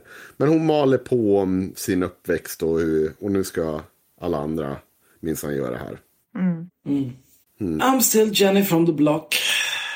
Det här känns lite som när jag kritiserade eh, Elaine Eksvärd för att hon gnällde om sina veganmatlådor som flyget hade tinat på flyget. När hon skulle tala om för mig att hon hade minsann vuxit upp i förorten. Eh, och det var inte alls dyrt att köpa veganmatlådor och ta med sig på, på sin, sin utlandssemester. Nej, vad grinar hon då om om att folk ska ersätta henne för dem? Om det inte är dyrt. Hon drar väl in tillräckligt med deg för skattepengar och drar sina jävla nonsensföreläsningar. Det, det blir någon sorts omvänd appeal to authority, eller kanske inte ens omvänd. Där man ska prata om... Nej, men det är ju klass. Ja, precis. Men man ska prata om liksom... Det, det är liksom så här, hela tiden, så fort de får någon typ av kritik, de här jävla människorna, då är det liksom Ja, men jag är bara en... eh, Fattig flicka från from the block. Jag, jag har strugglat mig upp från ingenting. I was raised in the ghetto. And now we're here. och så Ja. vidare. Ja. Började från botten, nu är vi här. Veganska matlådor, pissappar och. Och det är ju fine. Det är den nyliberala drömmen liksom. Vilken jävla skit alltså. Ta lite ansvar för att du är en jävla bracka som har med dig veganska matlådor till hela din familj på din solsemester till Pippa Loss. Inte det de där, blev igen. wrecked. inte det där igen. Då liksom, ta det bara. Så håll inte på att skriva en post i sociala medier till vad, Elaine Eksvärd, hon har typ 100 000 följare. Bara, "Åh nej, du är bara en stackars flicka från förorten som inte vet någonting. Du, du, är en, du är en makthavare precis som alla andra. Det är inte, det är inte liksom en slump att du taggade in bolaget du flög med. Det var för att du ville shamea dem, för att du ville dra pengar ur deras arslen. För att du är ett svin. Det är ett sätt att veva med sin e-kuk liksom. Ja, och samma sak med Linda Pira bara. Ja, det är bi, ja, mina vänner, någonting som vi har sett under vår uppväxt. Absolut, det var någonting. Det är någonting som ni har växt upp med. Så fan, tänk om det fanns en app där jag kunde bli knullad på 12% för att någon ska göra ingenting. Och så kan jag åka hem till någon och lägga en jävla grusväg och borra i berg. Det hade, då hade mina ungdomsår varit problem free. Det är sån jävla skit. Nu har vi löst fattigdomen i utanförskapsområden guys. Jag kan säga, alltså jag är ju inte... Jag skulle inte säga att jag kommer från någon typ av underprivilegierad bakgrund. Jag är uppvuxen i ett akademikerhem på Söder. Eh, även om vi inte rullade i deg så så här, Det fanns mat, man hade hela kläder. Inga överdådigheter. Men hur dåligt jag än hade haft det, jag skulle aldrig spela det kortet. Fan vad äckligt. Vilket jävla svin. Enda gången jag tar upp såna där grejer det är när människor försöker använda det mot mig. Om jag kritiserar typ Joakim Lamotte och någon säger så här, det här är bara för att du, du eh, är välbärgad mediaperson som har bott på Söder i bostadsrätt hela ditt liv. Då tar jag upp det och förklarar att nej, jag hade en mamma som, som liksom var levde på existensminimum. Jag har jobbat på callcenter och som svartjobbare inom hantverksbranschen och så vidare. Men det är bara för att, det, för att folk försöker anta att för att jag har kritik mot sådana här grejer så har jag aldrig upplevt typ fattigdom eller eh, någonting annat jobbigt. Ja, men det är ju, det är, ju det, det är samma typ av förtal som Anna Björk utsatte oss för. Bli Patreon så får ni höra drygt en timme om vilket svin Anna Björk är och vilket svin Björn Werner på GP. Snygg segway där. Mm, mm, mm. Måste sälja kakor. Har vi något mer att säga om Linda eller? Nej, men jag måste ha eh, två andra entreprenörer som jag håller på att bli vansinnig på. För jag vet inte om det är mina algoritmer. Men jag tycker jag ser den här, fast jag ser ju reklamen på tv också. Ni kollar ju inte på tv på samma sätt. Men Nej, för vi är vuxna. no, det, på kvällarna körs det en reklam för John Hatter och company. Eh, och um, det är någon så här flashig reklam där så här, liksom rippade killar hänger runt vid en pool med kepa på sig. Hett. Noise. Noise, och de är brunbrända, det är tjejer, så snygga tjejer och så bla. Men- Alla är superkåta. Kukarna Ja. står, fittorna savar. Nu Ja. kör vi. Alltså, Nu kör vi. Och jag tänkte... Jag jag vill bara så här, om du får upp den på, på Facebook nu, du kan ju klicka på Facebook och fråga varför du ser den här reklamen. Det kan vara ganska kul som så här, allmänt tips. Om ni får upp en jävligt konstig reklam så kan man gå in och fråga why am I seeing this ad? Och då kommer de säga så här, ja för att de vill nå män mellan de här åldrarna som har följt de här sidorna som bor i de här regionerna. Det kan vara rätt intressant. Bara så, förlåt. Fortsätt. Okej. Men jag kan, jag kan läsa lite på knagglig svengelska vad de har att säga om sitt brand. För det, det som fick mig att reagera det är att det är väldigt sällan man ser reklam för keper. Och, jag och det var sån jävla massiv reklam. Så vad fan är det här för någonting? Och varför, varför får jag se det här på tv mitt i natten hela jävla tiden? Och varför jag Och kan inte jag få läsa det här? Jo, det kan du. Ska Alltså jag... från första sidan, the story. The story, ja. Du får läsa det. Ja. Du kan få läsa. Fy fan vad bra det här är. Jag kommer köpa den direkt alltså. Det är, dels är det ju en bild här på två jävligt sköna killar i eh, medelåldern. Som har på sig varsin pissful keps. Eh, We are a company that likes bold statements and cool caps. John Hatter and Company is an exclusive Swedish fashion brand founded in 2018 by John, a former investment banker and race car driver that makes luxury caps with a bold statement. Inspired by the classic trucker cap, John Hatter takes some of the world's most iconic quotes and phrases, prints them on a miniature aluminum embossed license plate, and attaches it all to make a premium cap with a statement that's impossible to ignore. De, de, de... Det här är det dummaste! Men det är ju, det är ju kungligt att han heter John Hatter. Och säljer hattar. Och såklart så har han, han, han investment banker och race car driver. Och race car va? driver. Wow! Nu! Ska vi inte mejla och fråga om de vill sponsra oss? Ja, Nu när vi har recenserat dem. Aldrig i mitt jävla liv. investment banker och race car driver. Det är verkligen så här. Inte bara tar han 200 kilo marklyft. Han har också superbred kuk. Ja, men kom igen nu. Det, det, det här vi måste, alltså. det, det, för det här det tar ju inte slut Ja, men det, det tar inte slut där. Men det- det de gör är alltså, de, de, de, de gör eh, ikoniska citat och fraser. Ja, ska, Och sen så printar de det på små, små, små, små, små, små, små registreringsplåtar. Och sen sätter de de registreringsplåtarna på en keps. Och säljer det. Det är deras affärsidé. Vilken jävla skit. Men det fortsätter. John later teamed up with his old racing buddy and former Swedish TV personality Mats M.K. Carlson. Today, they are the foundation of John Hatter and Company.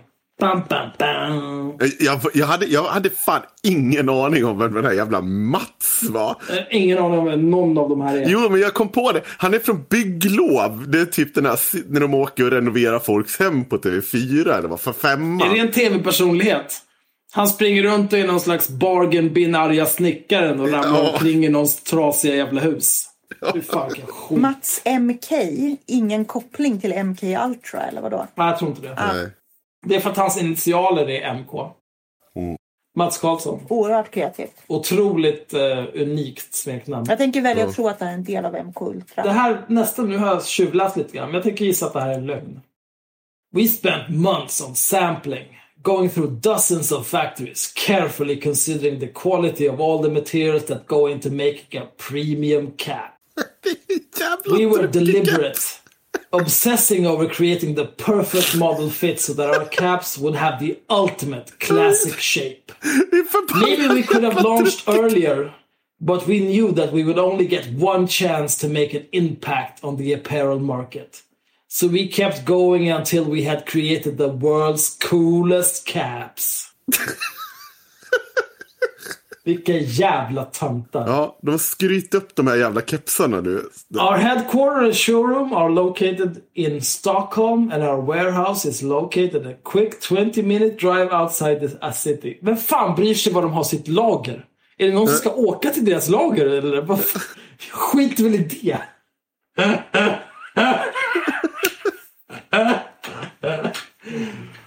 All orders are supervised from Sweden and we proudly ship all orders within 24 hours of ordering.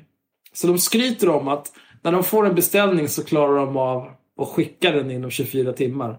Det är verkligen ingenting att skryta om. Nej, Verkligen inte.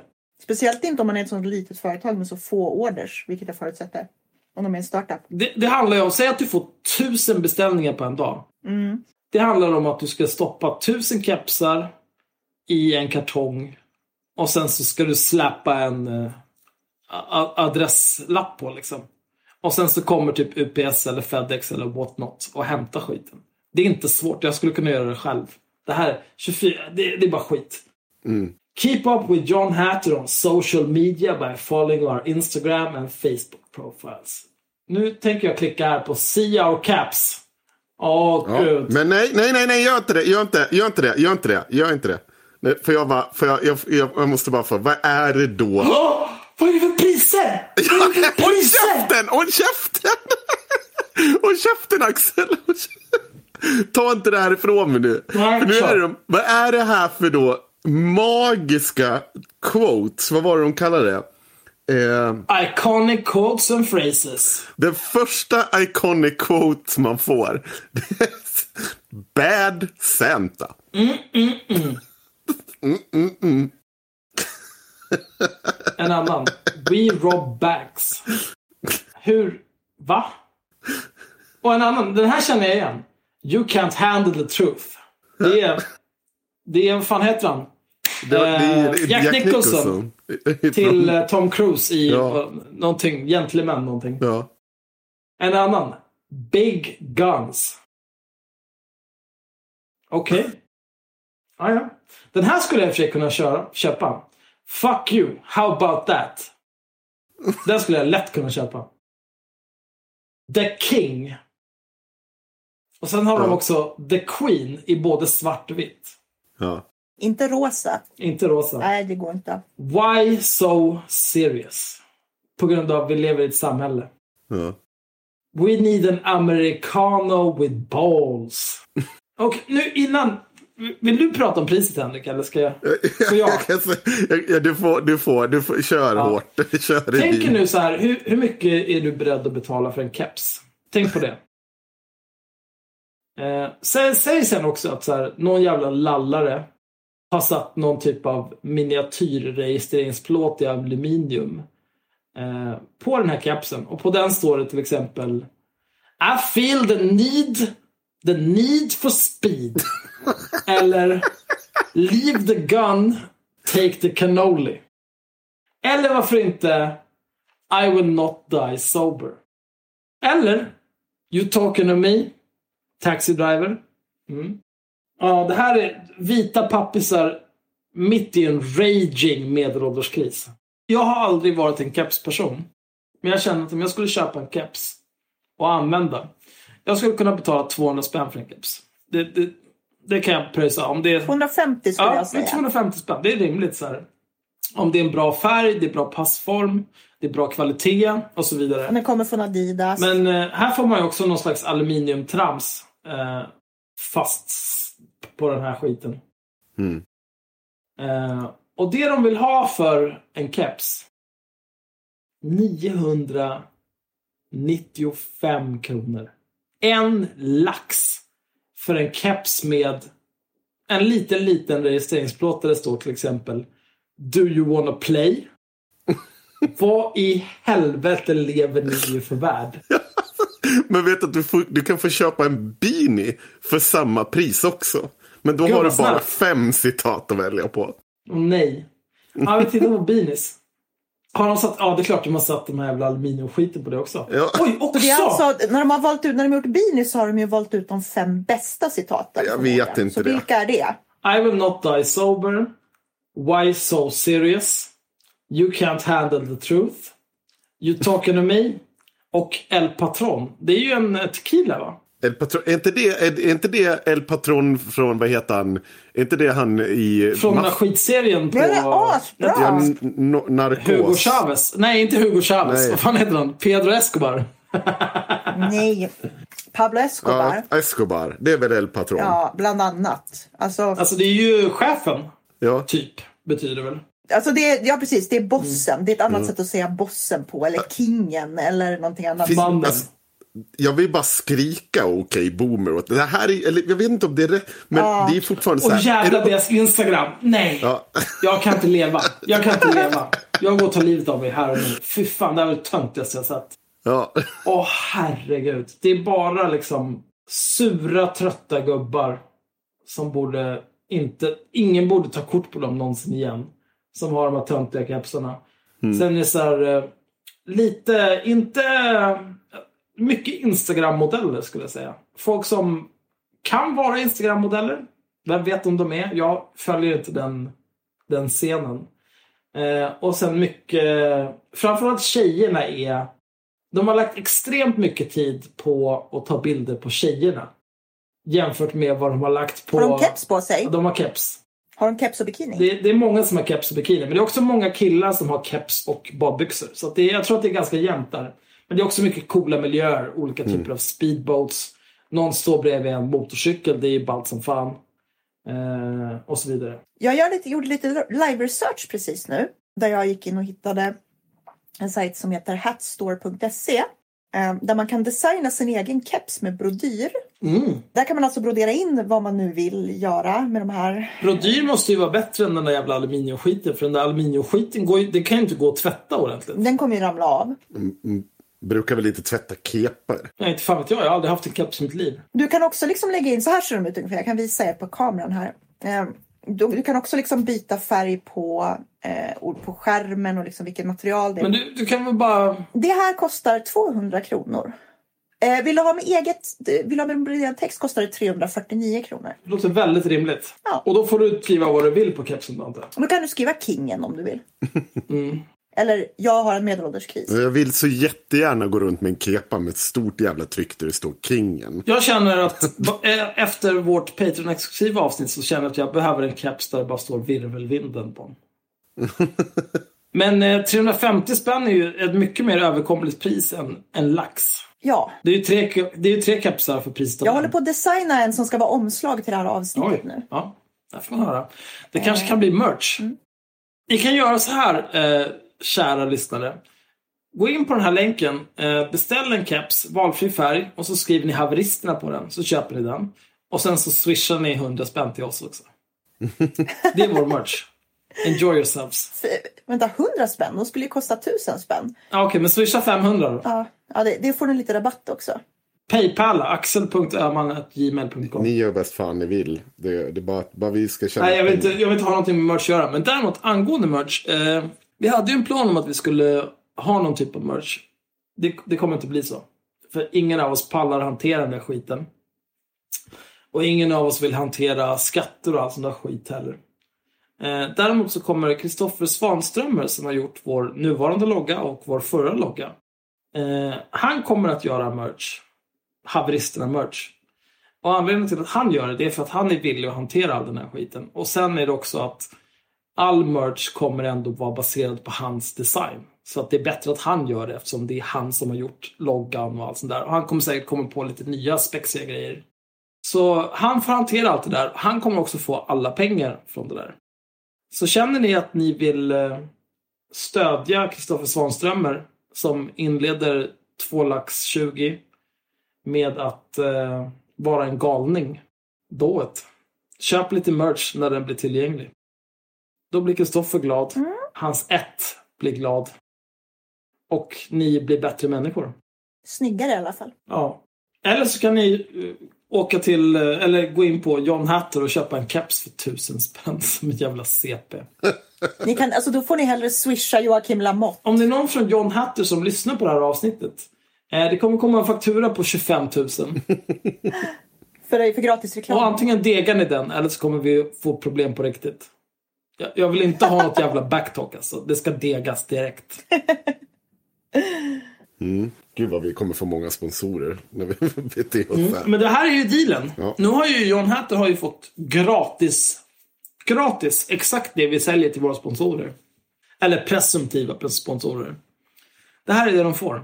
Få en utskällning. Oerhört lockande deal. Vi säger precis vad vi tycker. Det är, det är, som, att, det är som att spela rysk roulette med sitt varumärke. Och det vet man ju att det vill ju alla goda företagare göra. Nej men vadå, en på sex, det är bra odds. Det är bra odds. Gå hårt eller gå hem. Man kan ju också lista ut ungefär vad det är man får. Liksom, om man är dum nog att försöka liksom, sponsra oss. Så att det funkar inte att sälja Kingen keper för tusen spänn. Nej men har du en bra produkt och du känner att du, du vill bli sponsrad av eh, oss, unna dig. Så får vi se om du har en bra produkt eller inte. vi ska nog hitta någonting att såga dig för, din jävla apa. Men tveka inte. Det måste ju ändå så finnas någonting som vi tycker om. Ja, men är det sprit liksom? Då, då har jag svårt att se hur vi ska kunna säga nej. Ja, ja. Ska vi gå över på... Eh, Nästa grej. Ja, Här, jag har designat en keps nu. Forsa medelålderskrisen. Ja, har vi någonting Ja. eh, som vi 349 kronor. go. känner... Jag skulle vilja betala 650 kronor mer för att få den där på en liten, liten, liten registreringsplåt. Har vi någonting som ni gärna vill ta? Jag vill prata om eh, att Torbjörn Järlerup är dum i huvudet. Okej, berätta. Tobbe, han postade 2 januari. Ska vi försöka ge någon kontext om vem karn är överhuvudtaget? Men vet inte folk det? Nej, Han har en blogg. han har blogg. Han är en man med en blogg. Ja, men han är väl, han är väl ändå en ganska profilerad person. Nej. Okej, men, men berätta du då. Jag vet, jag, jag vet bara att han är skitdum. Han har funnits inom antirasistiska kretsar i många, många år. Eh, en sån där typ av liberal som, eh, som eh, bara säger det, det, det var båda sidorna. En centrist är han ju Ja, mer. centrist. Ja. Går liksom inte, för det säger, du är alltid på något sätt, du kan aldrig göra ett ställningstagande för vad du tycker är rätt och riktigt. För då, gör du, då är du lika dålig som den andra sidan på något sätt. Den typen av liberal som inte förstår att, vet du vad, det finns vissa, ja men det finns, vi kan göra avkall på vissa friheter eller ska ha fler friheter. För att vi tror på att det här leder till någonting större. Alltså lite som alla egentligen någonstans är, att vissa ändamål helgar medlen. Förstår ni hur jag menar? Alltså det, hans bakgrund inom E EOP, EAP och sådär är väl lite intressant här kanske om man ska prata om honom. Eller är de inte Varför det? det? Spelar det någon roll längre? Han har ju lämnat det sedan hundra år tillbaka. Nej, men eh, han, han postade en artikel där eh, i Stockholm Direkt om någon slags kulturkrock. Där det är någon, eh, ett svennebarn som har hamnat i en skola full av invandrare. Eh, och där, när han, eh, som det här svennebarnet själv beskriver det, när han ställde frågor på lektionerna eller googlade akademiska saker så blev han kallad eh, jävla svennebanan och jävla nörd. Eller nej, inte ens jävla svennebanan utan svennebanan bara. Och Och det hade nörd. säkert att göra med att han var vit, inte att han var en jävla plugghäst som har varit mobbad i skolan i alla Nej, tider. nej. Nu ska ni få höra här. Rasismen mot majoritetssvenskar. Det mest konstiga är att man inte diskuterar varför skolan inte agerade mot detta. Varken skolan, den drabbade pojken eller journalisten verkar anse att detta är något skolan borde agera mot. Skällsordet svennebanan som skällsord är rasism och ska bemötas med nolltolerans och hanteras som om någon ropat muslimjävel eller jävla kroknästa jude på skolgården. Redan här, let me stop you right there. Sätt dig Det blir ner. värre dessutom, men ja. Ja, det blir Eh. otroligt mycket värre. Eller, egentligen inte. Det, är- det, är liksom, det är bara fortsätter på samma dumma tema. Jo, jag menar bara att han, han double down liksom. Ja, ja men verkligen. Segregeringen som berörs är helt jäkla bisarr, men, inte ny, men är inte ny. Våra politiker i riksdag och regering har känt till denna utveckling snart 50 år. Men det är uttrycket svennebanan och liknande jag reagerar mot. Att det normaliserats. Jag skulle säga svennebanan, eh, det, det är inte ett uttryck jag hör jätteofta. Nej. Men när det är eh, någon som säger svennebanan, då pratar man liksom om medelsvensson. Ja. Promo har gjort en låt om det. Ja, Promo gjorde ju en låt som hette Svennebanan som handlade precis om det. Att det är liksom handlar på Ullared och hela den där skiten. Liksom. Det, är, det är bara det mest genomsnittliga svenska du kan hitta. Det är en Svennebanan. Ja. Eh, men inte för Torbjörn. Då är det samma sak som att kalla någon muslimjävel eller jävla kroknästa jude. Då ifrågasätter jag det här. Eh, jag skrev att Svennebanan skulle vara rasism och att han blev kallad det bara för att han är svensk när han själv säger att det skedde när han gjorde lektionerna olidliga genom att ställa en massa jävla frågor eller när han googlade något oakademiskt. Eller oh, googlade något akademiskt, punkt, punkt, punkt. Och sen taggade jag min favoritgrupp. That's that white people shit. För det är det verkligen. Det här jävla grinandet alltså. Ja. Och sen så är det lite diskussion här fram och tillbaka och jag försöker utröna liksom, vad är rasism i den här kontexten? är det den här gamla vanliga prejudice punkt plus power. Att du liksom du är i en maktposition och du har vanföreställningar om någon annan baserat på etnicitet eller whatever. Nej, det, det vill inte Torbjörn hålla med om. Och så till slut skrev han. Så det är okej för mig att kalla en svart niggerjävel om han är en plugghäst. Eller är det bara vita som det är okej att mobba rasistiskt och de är plugghästar? Åh, det är så pinsamt! Det är så pin... alltså, jag pallar inte hur pinsamt det här är. Att säga en sån sak och inte förstå att man är dum i huvudet när man gör det. Jag kan säga, eh, jag tror inte att det finns en enda svensk i det här landet som jag inte skulle kunna kalla svennebanan. Helt utan konsekvenser. Jag kan tänka mig att om, om du går fram till valfri svart person och kallar denne niggerjävel. Jag tror att det kommer få omedelbara konsekvenser. Ja, det hoppas jag. Och att göra den här jämförelsen är så otroligt, otroligt jävla konstigt. Ja. Men det är det här som är problemet med den här typen av centrister. För att de, de är liksom... Det, det är därför jag hatar centrister. För att det är sånt jävla pack. Det är sånt jävla pack. Och det är som jag alltid har sagt. No skin in the game. Visst, du har gjort något ställningstagande. Ja, ja, rasism är tråkigt, men AFA som, som spöar nazister när de kastar sten och glasflaskor på barnfamiljer i Kärrtorp. De är lika dåliga. De är lika... De är inte det, din dumma jävel. Vi borde gräva ner alla de jävla nazisterna upp och ner med bara fötterna ovanför mark. För de är ett jävla slödder. De tillför inget till samhället. De är kontraproduktiva på alla sätt och vis. Alla typer av antifascister är en motreaktion på det här samhällskontraproduktiva beteendet. Att säga att det är samma sak, då avslöjar du dig bara som en jävla idiot. Och det är precis samma sak med att, att säga så här, ja, svennebanan och niggerjävel. Det är samma sak. Du, du är hjärndöd, Torbjörn. Du är hjärndöd. Och det här kan man alltså tycka, chock and horror, det här kan man alltså tycka utan att tycka att det är okej om AFA brukar våld. Eller utan att tycka att det är okej att folk mobbas. Man kan fortfarande tycka att det här är två helt olika saker. Och tycka att båda är inte så kul. Utan att man ska säga det här är exakt samma sak. Ja, alltså, alltså i den här situationen då känns det mer som att så här, eh, han, han beskriver det ju som att han var ganska ambitiös och så här, gillade att plugga. Visst, det är väl fine. Han borde inte bli mobbad för det. Eh, om något så borde väl andra, andra, alla andra i hans klass tagit efter hans exempel och försökt göra någonting av de möjligheter de har. Ja. Istället för att bete sig som horungar mot honom. Men att påstå att Svenne Banan är likvärdigt med muslimjävel, din kroknästa jävla jude eller niggerjävel. Du behöver sätta dig ner. Du behöver sätta dig ner. För annars kommer någon annan sätta dig ner. Det är allt jag har att säga om det där. Idiot. Ja, det är faktiskt... eh, Men det är det där, precis, det är precis det du säger, att det är det där som är så jävla jobbigt med centrister. När det är sådär, ja men om vi ska prata, om vi ska säga någonting om, eh, om nazister. Har ni tänkt på att eh, det finns antifascister som spöar nazister? Är inte de lika dåliga? 100% inte.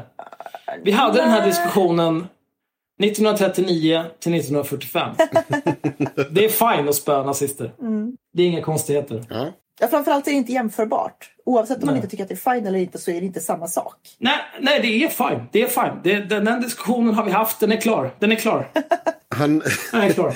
han la sig även i, eh, i natt eh, när, eh, vad heter han, eh, vår kära vän Hanif Bali var ute och svinga. Han har ju sagt att, ska jag försöka dra det här snabbt. Jenny Maria Nilsson, det är, det är väl i i och för sig tveksamt att vi skulle tycka synd om unga kvinnor som blev radikaliserade feminister och hotade med våld om inte samhället anpassade sig, anpassade sig till deras behov av sex och umgänge. Så har hon ett litet tal om det och då skriver Hanif Bali så här. Det är ju precis det vi gjort med interse intersek eh, alltså intersektionella feminister. Den kvinnliga motsvarigheten till incels. Med skillnad att kvinnor sällan hotar med våld. De använder emotionell och psykologisk utpressning.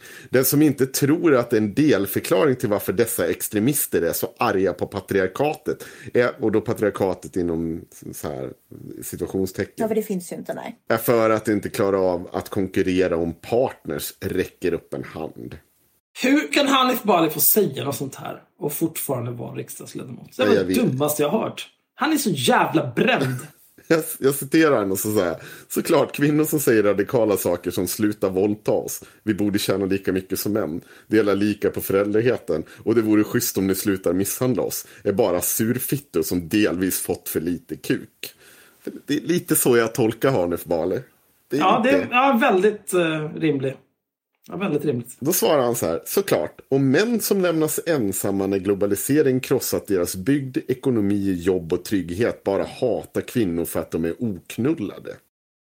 Eh, jag kommer komma till det här sen. Det är de som säger det själva, jag vet. Eh, men då skrev jag bara, sist jag kollade så har kvinnor varit underbetalda utan trygghet och en massa annat skit sedan tidernas begynnelse. Utan att blivit totalt jävla efterblivna och skylt på globaliseringen. Så 1-0 till kvinnorna där. Eh, och då svarar Hanif, flest män också.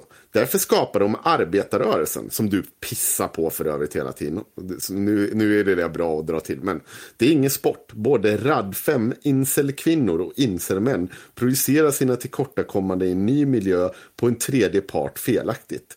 Det kan man väl hålla med om, att, men jag tror inte att det har skett så mycket så med incelkvinnor. Jag vet inte ens om det är ett begrepp. Det är Alltså, intressant. vä- vä- är- vänta, stopp. Den som, den som myntade uttrycket incel var en kvinna, Jaha, okej. ska vi säga. Men det är framförallt skillnaden. Ponera alla de här eh, eh, tjejerna som inte får ligga så här.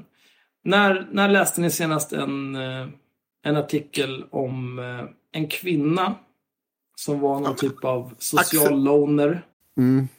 och som eh, vistades mycket på 4chan eller något annat idiotforum för retards. Och grinade om att de var oknullade och att någon måste betala och sen dagen efter gick till sin skola och bara sköt ihjäl 30 pers. Ja. Mm. Jag har aldrig läst en sån artikel. Nej, inte jag heller. Jag svarade också. Det har nog aldrig hänt skulle jag gissa. Nej. Jag svarade han så här. Ja, incelmännen gnäller ju själva över att de, inte har fått, att de har fått för lite fitta. Du gnäller över att incelkvinnorna har fått för lite kuk. Sorry, men jag har inte sett mycket av den omvända varan Hanif. Och då kommer Torbjörn. Är det inte incelmännens motsvarighet skum eh, och extremfeminister som gärna, gen, gen, gärna generaliserar hej vilt negativt om alla män? Hanif har faktiskt en poäng här. Åh, gud, han är så dum. Det finns en radikal motsvarighet till incel. Fast de flesta eh, radikala dödar inte män så ofta. Ja, jo, absolut. Det finns Men, säkert... men hur, hur, varför? Alltså det, det är dels så här, hur kan man se likheter mellan de två? Nej. Och sen två, hur, hur kan man känna att det är viktigt att poängtera att likheterna som inte existerar, existerar? Det, är- det är så extremt efterblivet. Den mest välvilliga tolkning jag kan göra av det här det är ju att det här som vi har sagt om till exempel eh, att rosa apor eh, är som Sverigesar. Liksom. Mm. Det finns ju en poäng i att, att man skulle kunna säga att de här bittra, de bittra outcasten från båda sidor blir arga manshatande feminister och arga kvinnohatande eh, incels. Den är jag villig att Mm, köpa, visst. men han, han nöjer Ja. sig ju inte riktigt med det. För jag tror inte att det handlar om att inte radikalfeminister eller kvinn, manshatande feminister får ligga. Det tror jag är ett jävla påhitt. Jag tror att det snarare handlar om andra typer av bitterhet. Typ att ja, men så här, de har haft en pojkvän som har varit dum i huvudet. Liksom. Ja. Inte att de har svårt att få kuk. Och sen så får man ju inte, heller inte förglömma liksom, eh, aspekten av psykisk ohälsa som ingen vill ta itu med. Maria Engelvinge till exempel som ehm, kallar sig själv manshatare är ju, är ju gift. Liksom. Hon har ju uppenbarligen Mm. lyckats få kuk ändå och hon hatar Jo, men det är väl för att hon, hon är ju beroende av eh, Hans för sitt uppehälle och boende. Det låter ju vara osagt men, Jag, jag, bara, jag bara antar. men jag menar att det är en töntig jävla analys är det jag vill säga egentligen. Ja, det är extremt töntigt. Jag, jag tänker göra det väldigt enkelt för mig själv. Jag tänker unfrienda Torbjörn här nu. Fuck honom. Jag vill inte se någonting mer han skriver. Vilken jävla idiot. Men jag, det, det är så otroligt. Och sen är det ju, det är inte bara Torbjörn. Det är alla jävla Hanifs små rövslickande följare som liksom inte kan. Alla ska komma in och försvara. Låt karln prata för sig själv. Han är fullt kapabel att göra det. Det är så otroligt det tröttsamt är att synd om sitta. honom. Va? Men det är synd om honom. Folk som ska vitknäckta Hanif. Ja. Så bara, men han kan väl svara för sig själv. Ja, Hanif, Hanif har ju inga problem att svara för sig själv. Nej. Problemet är ju bara att han är så jävla dum så att allting han säger är ju korkat. Men, men det är ju det är väl fine. Det spelar ju ingen roll. Det, det är inte som, han känner ju inte att han så här, oh, nej nu är jag svar, svarslös här, jag kan inte säga någonting. Utan han tycker ju att han går in och dominerar i varje debatt han, han engagerar sig i. Det är inga konstigheter. Det är bara låt honom vara. Han behöver ju inte ha en massa jävla vitknäktande. Han löser det där själv. Sen att han framstår som en jävla apa varje gång han öppnar käften, är en annan sak. Jag, vet, inte, så jag vill ju liksom, på, egentligen, det här gäller ju rakt över hela det politiska spektrat. Att de som sitter där ska ha lite mer, vad ska man säga, verklighetsförankrade analyser än det där. Med att sitta och liksom göra sig lustig över att kvinnor inte får knulla. Därför är de liksom, det är därför de är radikalfeminister. Ja, det har vi ju inte hört förut. Är det ett problem att folk är radikalfeminister? Det är det som är den stora skillnaden. Jaha, okej. Någon, du påstår att den här, det här attributet, den här oknullbarheten du tillskriver de här kvinnorna gör att de blir radikalfeminister. Vilket gör att de uttrycker vissa åsikter. Är det ett problem? Vem fan bryr sig? Det är ju inte som, det är inte som att de går in i, i, på sin skola och skjuter 30 pers. Det är ett problem. Alltså en del av problemet med incels är att de sitter och hetsar och triggar en massa hat på nätet. Men som du säger, det slutgiltiga problemet är att det faktiskt leder till våld. Eh, vilket, jag menar, det, det var kul att han tog upp liksom Valerie Solanas och skul, sku, skummanifestet för att det är väl typ det enda exemplet som finns på en radikalfeminist som dödar en man. Ja, men det var väl 40 år sedan? Eller? Ja. Är det relevant fortfarande? Psykisk ohälsa, precis som för alla jävla incels. Ja. Men, men det är ju, ja, jag vet inte. Antingen så får man ju ta det där på allvar eller så får man skita i det. Men ska man ge sig in i den där diskussionen då får man ju vara beredd på att det kanske finns eh, eh, lite svårare bakomliggande orsaker än jag har inte fått tillräckligt mycket kuk eller fitta. Mm. De här jävla bumpabärre-analyserna, det är så jävla efterblivet. Har vi tagit upp det där med bumpabärre? Att det var någonting jag var kallad när jag var liten. Blev du kallad bumpabärare när du var liten? Det är sjukt. Ja. Varför då? Det har jag aldrig hört. Så. Nej, inte jag heller. Bumpabärre, det var någonting man sa typ till barn. Här kring. Mm. Det kanske bara var jag. Ner på byn. Mm. Eh, jag behöver bara ta en, en snabb liten paus. Ni kan ju prata med varandra. Men min gin och tonic är slut. Jag behöver en till. Ja, jag förstår det. Ja, men ska vi börja med att berätta bakgrunden till eh, eh, Peter Ung då? Ja, berätta bakgrunden Peter Ung så kommer jag in mitt i och beter mig illa. Lysande. Ja, skynda dig. Eh, vi kan väl börja med, för det, det, det är ett litet händelseförlopp som har gett vissa utfall. Det börjar väl ganska precis för en vecka sedan, den 27 december, när eh, Fanny Åström la upp en, eh, en av sina tweets som hon gör på sin Instagram. Och då, eh, tweeten är som följer. Mest ute 2020 är kvinnliga feminister som hyllar män för insikter de själva fick för tio år sedan. Den här lägger hon upp. Jag vet faktiskt inte om det här har någon bäring på Peter Ung eller på annat. Men det som sker är att... Det skulle alltså kunna vara någon typ av subtweet på någonting som, alltså det är uppenbart för insatt att det riktas mot Peter. Ja, för det, det är ju så här i Instagram feminism funkar i stort. Det är mycket subtweets som man bara ska fatta. Och, Ja. och sen börjar man bråka över saker man ska fatta. I alla fall. Pizza bag in a box svarar ja verkligen. Hoppas på mindre av Peter Rungs och Attila Joldas lågstadiefeminism 2020. 46 stycken gilla-markeringar. Jag gissar att där hittar vi nog Fanny också, skulle inte förvåna mig. Det kanske var lite magstarkt av mig. Jo, där var hon va? Jajamensan, hon gillar den. Då svarar Peter Ung. Eh, Pizzabagen är box och berättar gärna mer om min lågstadiefeminism. Menar du huskrasch som jag eh, medgrundat eller hur eh, jag... Eller hur jag... Berätta gärna mer. Peter Ung är lite nyfiken här på vad hon menar. Ja. eh, eller hur jag för mig på min Instagram. Och så är det igång kan man säga. Det är ett jävla tjat på Peter Ung och hans överflödiga feminism. Och jag är helt benägen med att hålla med om att både Peter Ung och Attila Joldes, de upprepar bara vad många personer har sagt innan dem. Det är ju så även jag i mångt och mycket. Går det även att säga om Linnea Claesson? Ja. Eh, det finns, jag, tycker, jag har inte sett jättemycket djupa analyser från honom. Det är mycket, mycket, mycket medelklasspappa, övre medelklasspappa som har... Har ni tänkt på att det är dåligt om porr får män att vilja slå kvinnor, hörni? Har ni tänkt på hur kvinnoförnedrande det är med porr? Det är mycket sånt. Ja, Det låter dåligt. Ja, det låter dåligt. det här, skulle man kunna kalla det här vänsterpopulism? Ja, alltså, jag, hur som helst, han får ju en hel del skit. Och det, jag, det, jag tycker det är viktigt att återkomma. Han får ju, det börjar, man ser ju hur det trappar igång. Och skillnaden mellan, om vi säger ta mig eller en del andra personer, eller vi tre kanske. Det är att vi står ju, om vi tycker att någon är idiot, då svarar vi upp med att du är en jävla idiot. Och så liksom, vi försöker inte play the nice guy card och liksom jag ska ta in och lyssna till det här. Utan nej, men så jag håller inte med dig om din analys. Så att jag har en annan analys. Där, därför är det så här. Och så händer det.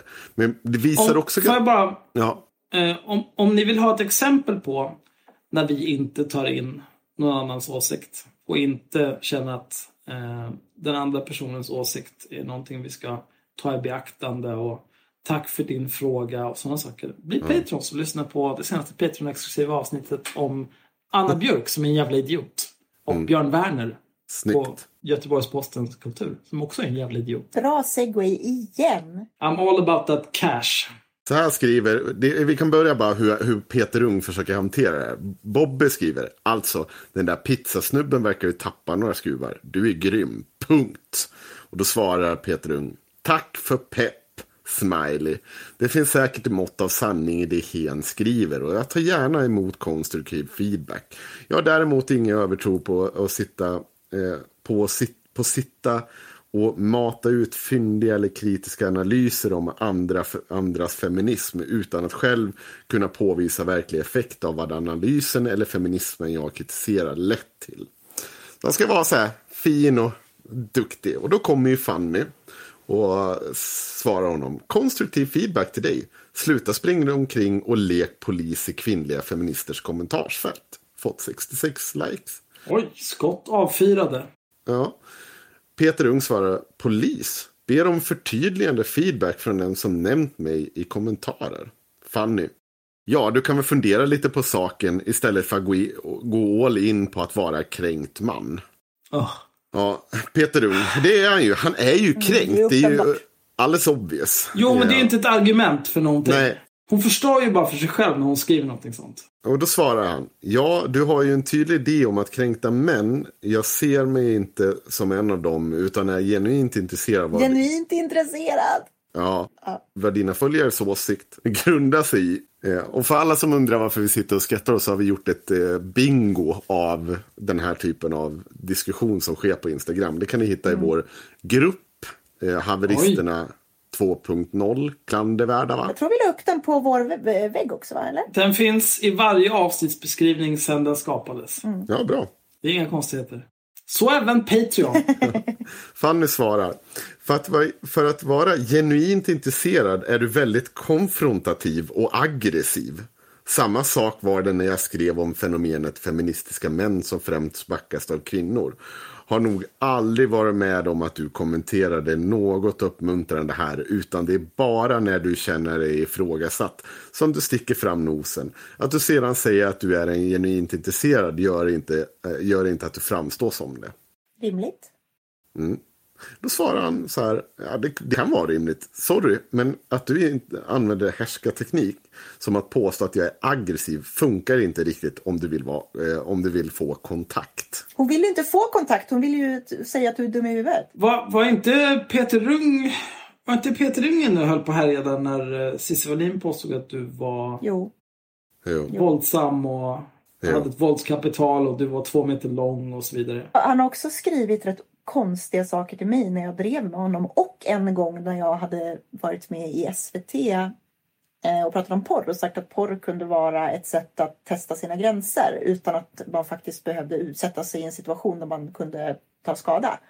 Eh, och då skrev han någon jättelång post och bara Nej Mira! du tänker inte på alla som tar skada av porren. Du, du, du är jättemästrig och så vidare. Så att jag, har, jag har lite history med honom. Men det- jag förstår inte. Ja, men det är fort, han är fort, han är, det här det har, det har ju trappats upp nu. Nu är han ju helt plötsligt aggressiv. Och det är ju väldigt så här bara, ja, vadå aggressiv? Han är extremt passivt aggressiv. Det var han ju mot mig också. Ja, pass, jo, men passivt aggressiv, det är någonting att du är, sitter och grinar men aldrig säger någonting om det. Fast säg åt henne att hon är en jävla kuk och hon kan säga åt honom att han är en jävla fitta.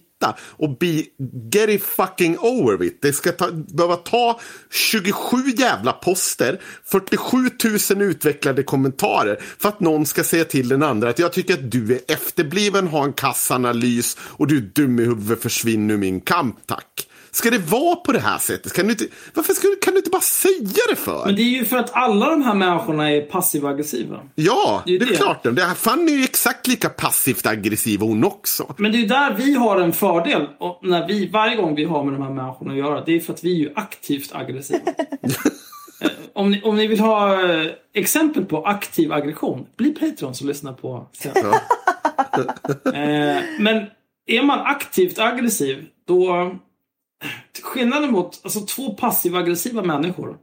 De kommer bara offerkofta varandra rätt in i evigheten. Ja, gud. Det tar aldrig slut. För att de sitter bara och tjurar och tjurar och tjurar och är de grinigaste jävla mest utsatta idioterna på jorden.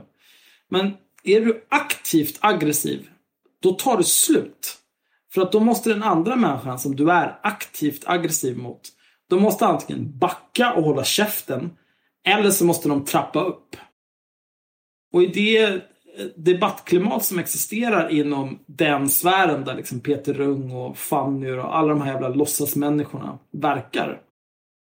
Att, att trappa upp, det är inte en grej man gör. Nej. Utan då om man blir bemött på ett aktivt aggressivt sätt. Då börjar man tjura om att eh, någon använder härskartekniker, de är kvinnohatare eller blä, blä, blä, blä, blä. Men då, då kan man som aktivt aggressiv människa, då kan man lämna det bara för att säga okej, men nu har du gått i spinn här i din lilla offerkofta. Peace out. Roa dig själv. Alla som läste det här, de ser vad jag menade. De ser vad jag tycker. Och jag behöver inte engagera mig i det här längre. Men det här är ju också en ekonomi. Där både Fanny och Peter och alla runt omkring dem, alla andra som är engagerade. Det, det snurrar ju på att det blir snackisar kring det här. Så här "Ja, har du sett det där med Fanny och Peter Rung på... eh, blä, blä, blä, blä." Och så sitter de och bara är ett gäng jävla Det är en circular liksom. som skapar liksom sin egen grej av ingenting. För att den ena tycker att den andra är en horunge. Om någon bara kunde säga så här, men tänk om Fanny hade skrivit så här bara, kom till var fan hon nu bor, så reder vi ut det här direkt. Du kan skicka ett sms när du är utanför porten så kommer jag ut med knogjärnet så reder vi ut det här. Då hade det där varit klart. Då finns det inget mer att säga. Men nu kan de ju sitta för evigt och tjafsa fram och tillbaka som de jävla idioter de är. Mm, jag håller med. Eh, I stort. Det, jag gör det. Men jag tycker ju precis som vi diskuterade tidigare. att Jag tycker det finns en liknelse som man sällan gör kring eh, det som händer här. För att man, man är på honom nu och börjar säga att så här. Eh, du är liksom eh, du är passiv, eller du är aggressiv. Och man, man börjar lägga igång, dra igång det här narrativet att Peter är på något sätt obehaglig. Eh, han, han liksom kan inte backa och, och det ska backa och lyssna, backa och lyssna, annars är det aggressiv. Och han faller in i det här, i den här eviga jävla, eller det här eviga hamsterhjulet som är liksom att om, jag, om han väljer att försvara sig mot att jag har fan inte varit aggressiv mot er. Jag, jag tycker att ni är korkade eller något sånt där, men för att ni har en annan åsikt än mig. Så, så kommer det liksom, han kommer fortfarande bli utmålad som den här obehagliga. Men han kan inte vinna. Nej, han kan inte vinna. Absolut inte. Det jag har läst av det där, det, jag tycker inte att han är aggressiv. Jag tycker att han är samma typ av passiv-aggressiva äckel som alla de där andra är. Mm. Eh, enda skillnaden mellan honom och dem är ju att han har en kuk. Mm. Och det är ju någonting som de här människorna brukar vara extremt snabba på att hugga på. För då är det, då är, det är precis som, som det var. Liksom. Det, det, du, du har ett våldskapital, du vet inte hur det är att vara kvinna. Ja, du är aggressiv, du använder härskartekniker, du är patriarkatets lakej, hej och hå, hej och hå. Men, men han säger ju i princip samma sak som alla de här andra idioterna gör. Enda skillnaden är bara att i den där konversationen så är inte Nina Rung där och kan tanka honom. Nej, hon Så att kommer han ju kan in, stå och DPSa bakom henne liksom. ja, hon kommer ju in senare och försöker försvara honom. Ja, men det är för sent för de har gjort för mycket damage på honom. Men alltså jag, jag tycker det där är töntigt överlag. För han, han tankar ju alltid åt henne. Men varenda gång jag har kritiserat Nina Rung. Eller varenda gång, det handlar väl om typ två gånger. Men då har ju han kommit in. Hon har ju inte kommit in själv och försökt ta diskussion med mig. Utan det är ju Peter som har kommit. Och bara, Men det, det är för att han också är en kuck. ja, eller så är han en patriarkalt äckel som inte kan låta sin fru tala för sig själv. Jag Jag tror inte. inte det är det. Jag tror att han, eh, alltså när han tankar åt henne, det tror jag handlar om att, eh, är, det inte, är det inte så att det är liksom, det är vissa personer han tankar? Till exempel dig. Jo, ja, precis. Men Cissi Wallins man gjorde ju samma när jag kritiserade Cissi Wallin. Då kom ju inte Cissi in och bemötte det. Jo, men, det är, men de är ju båda, de är ju samma, samma cut from the same cloth liksom. De är ju woke as fuck. Precis, för att ingen av dem vill diskutera med mig direkt kanske. Ja, jag kan ju bara spekulera i varför. Nina Rung ställde in en debatt mot mig. Till exempel. Det det framstår som, det är ju som så här, det, det gagnar ju både dem, eftersom de är ju viljelösa kräk. Men det gagnar ju framförallt deras partners för att både när, när Linus Blomberg går in och tankar åt Sissi eller när Peter Rung går in och tankar åt Nina Rung. Då framstår ju Nina Rung och Cissi Wallin som att så här, titta vad bra pli de har på sina män. Här är det ordning och reda, vilket jämställd relationer de lever i. Deras jävla kux till män går in och bara beter sig som svin mot folk i deras namn. Jag vet inte om det är det. Jag tror att det har mer att göra med att de tycker att det är jobbigt eh, att ta en debatt mot en... Eh, alltså antingen att de tycker att jag inte är värd att debattera. Det skulle vara ungefär som att eh, men som att ställa upp i debatt mot Jimmy Åkesson. Liksom, för att, eller Ingrid Carlqvist eller whatever. Antingen är det en sån härskartekniksgrej. Eller så är det att, man, att, man, att de inte vill därför att de vet att mycket av deras argumentation kommer falla mot en kvinnlig motdebattör. Det funkar bara om det är en snubbe. Så är det ju. Eh, eller om det är en blandning av båda. Typ. Jag håller med om det. Jag, jag stödjer den tesen helt och fullt.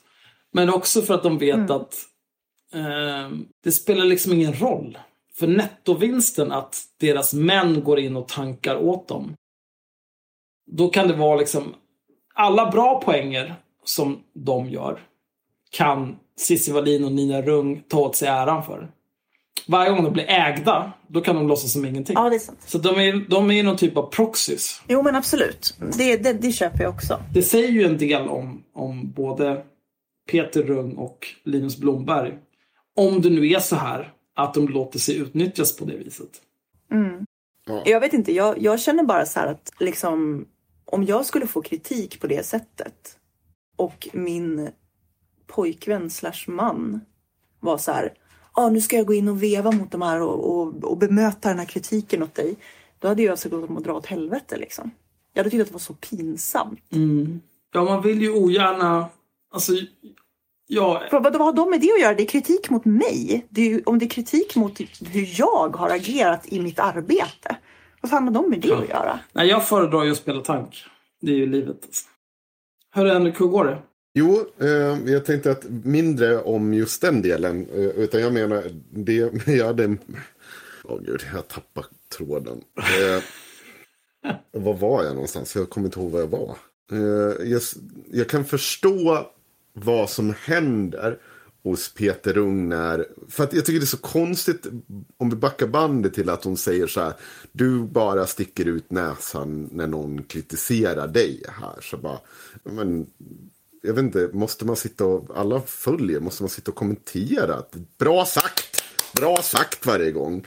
Och ser man att någon sitter och pissar på en så lär man väl, alltså jag skulle ju också svara.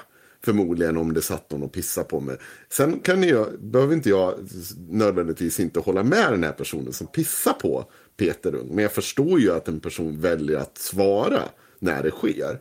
Och det folk inte tänker på, som händer på internet när du sitter, det är lite... Jag skulle säga att det där liknas, kan liknas vid att du har någon slags typ av torgmöte. Och någon bara står och helt plötsligt börjar skrika ut att Peter Ung, han är en jävla idiot. Jag hoppas vi slipper se mindre av honom nästa år. Och så står han där och bara, nej men ursäkta, jag tycker att det här verkar ju sjukt jävla vansinnigt att säga. Och sen börjar liksom folk skrika på varandra där, helt så här upp och ner som om det här vore normalt jävla beteende. Ja, poängen med den liknelsen är att jag, jag förstår ju varför han blir sur. Jag tycker inte att det är något konstigt att han går Nej. in där och bemöter någon som skriver att han ska hålla Nej, käften. det är klart han ska göra det. Ja, se, tillåter du att folk står där och snackar skit, då får du ju liksom se till att, få, då måste ju folk få svara upp på det. Annars kan du ju liksom, är det, är det bara ett för annars blir du bara ett forum för envägskommunikation. Där, nej, jag ska få sitta här i fri och tycka att folk är dumma i huvudet och säga det. Men det kan man ju tycka också. Men då Ja. kanske man inte ska ha en öppen Instagramvägg. Nej, då kanske, kanske man man ska ha ska- ett slutet rum och sitta och prata. det är ganska fegt framför allt. Så jag, jag har varit så här ofrivilligt Peter, team Peter Rung. Fast jag ju egentligen håller med om kritiken. Men det, det är så jävla, jag, jag kan känna igen mig så mycket i det där att man låter ju, man är helt ointresserad av att men säg åt han varför hans jävla analyser är helt värdelösa. Säg någonting om det istället. Men det gör man ju inte. Utan det ska direkt på kuken. Alltså det vill säga att du är obehaglig, du är så här. Fast grejen är att jag inte har sympati för Peter Ung i det här. Det är att han jobbar exakt likadant själv. Ja, ja. Ja, jo, det, det ska tilläggas. Jag håller med. Så att han får ju precis det han, behö- det han förtjänar i jag håller fallet. med. Ja, han, han får exakt det samma eh, liksom tillbaka. Tillbaka. Det, Ja. det ser jag. jag. Jag skulle komma till det också. Bra. Men, men det enda bara att jag, jag kan se liksom, hur du blir... Liksom, när det, det är ändå så fall 66 personer som trycker like på den där kommentaren. Som ser att Peter Ung är en jävla kuk. Det var inte det som stod där. Men att man uppfattar det som att här står folk på ett torg och skriker om mig. Jag vill fan försvara mig. Men det, Ja, Men det är inga konstigheter. Jo, men det verkar som att folk börjar glömma bort det. För, det, för då kommer ju det här också till... Samma, Att han är obehaglig. Ja, att han blir obehaglig. Men det är klart som fan, det står folk och skriker om mig här borta. Det är klart jag vill svara på det. Jag förstår att det här, det här slår an hos dig Henrik. För det här är ju samma sak som du har fått skit för. Jag kan känna viss glädje över det här faktiskt. Vadå? Så här, jag förstår att du sympatiserar med det för att det här är precis samma orimliga kritik som du har fått. Där det är så här, hur vågar du komma in på min öppna vägg och kommentera saker? Varför är du obehaglig? Eh, vilket är såklart helt orimligt. För att du snackar om mig, ditt jävla stolpskott. Va? Du sa det ju själv att det var precis Nej, samma inte skit. du. Inte du. Jaha. Jag menar såklart till den här fiktiva personen. Ja, ja, du menar så. Ja. Men, men jag ska bara säga att just i det här fallet så är det faktiskt så att Peter Ung har ju odlat den här typen av klimat själv. Det tycker inte Ja. jag riktigt att du har gjort. Så att det, ja. Nej, jag har sagt att... Nej, men jag tycker att det är bra. Jag tycker att det är bra att han får smaka. Jag tycker att det är bra att han får i sig. Det kan han gott ha. Men eh, samtidigt så är ju liksom hela det här klimatet där man, eh, om man är man och yttrar sig om de här frågorna så ska det alltid komma någon korkad jävla apa och så här. Obehaglig. Be, be, be. Det är ju förkastligt för att det, liksom, det leder ju ingenstans. Det är ju helt efterblivet. Mm. Men det, det kunde inte hänt en trevligare kille. Fuck honom. Men därifrån, han ville ju, det som hände sen efteråt, det är ju att han ville börja kompensera och berätta minsann hur jävla bra han har varit. Och Såklart. då började han prata om huskurage. Det här tyckte jag faktiskt var extremt intressant. Och jag varit väldigt, väldigt nyfiken. Oj. Genuint nyfiken kanske. Ja, genuint nyfiken. Så här. Det har pratats mycket om skillnaden på intention och effekt av en feministisk gärning i dagarna. Nej, Peter, du har blivit kritiserad för att du vill inte ha dig där. Ja, dessa jävla subtweets. Ja, så jävla subtweet. Men det bästa är, Peter, du behöver inte lyssna på Fanny. Hon kan inte stoppa dig från att tjäna pengar på, på feminism. Hon kan verkligen inte Fan, det. jag vill också bara någonting, eh, en, en sak med Fanny. Fanny är extremt dum i huvudet. Alltså extremt dum i huvudet. Jag, jag länkar givetvis sen. Men Vi har ju pratat om det här också. Fanny Åström var ju med i ett avsnitt av Radio Regeringen. Mm, Den som vi pratade om tidigare. En nazistpodd. Det är ett av världshistoriens roligaste klipp tror jag. Det är så jävla dumt. Fanny Åström har alltså fått en inbjudan att vara med i en podcast. För att prata om typ kvinnors roll eller något sånt där. Jag kommer inte ihåg. Men... Ja, det är två kvinnor som håller i en. Elin och Rebecca om jag minns rätt. Eh, riktiga idioter båda två. Den heter Radio Regeringen. Det är en nazistpodd. 100% nazister. De två är nazister, de är gifta med nazister. De pratar om nazism. Och typ, eh, så här odlar jag min trädgård. Vi ska också påpeka det, de här är alltså inte nazister på samma sätt som typ Mira Aksois är nazist. Det här är personer som själva kallar sig för nationalsocialister. Riktiga nazister. Och då, om man får en inbjudan till en podd, då kan man göra en enkel grej som att typ googla namnet på podden man har blivit inbjuden till. Vi googlar Radioregeringen. Nu ser jag vad vi får upp. Radioregeringen. Radioregeringen är ett trevligt och lättsamt nationalsocialistiskt kvinnligt radioprogram som marknadsförs som nationalsocialistisk mysradio. Det här känns som en oxymoron. Men då är Fanny Åström med här. Jag kommer inte ihåg hur lång tid det var. 45 minuter kanske. Två timmar, nästan två timmar är hon med innan hon upptäcker det. Nej, men var det så länge verkligen? Ja, det är jag så inte det var länge. det. Alltså jag, jag ville säga en timme så det var länge. Jag kan kolla upp. Ja, just det. Deras avsnitt är ju fyra timmar långa. Ja, 115 minuter var hon med. Ja, det är nästan två timmar. Och då sitter hon, nu i och för sig, de pratade inte så mycket nazism under de nästan två timmarna. Så att det var svårt för henne att upptäcka att de var nazister. Men det var ju först när de sa så här, vi är ju nationalsocialister. Det var då hon, nej fy fan! Och så la hon på. Men, Fanny Åström, din jävla apa.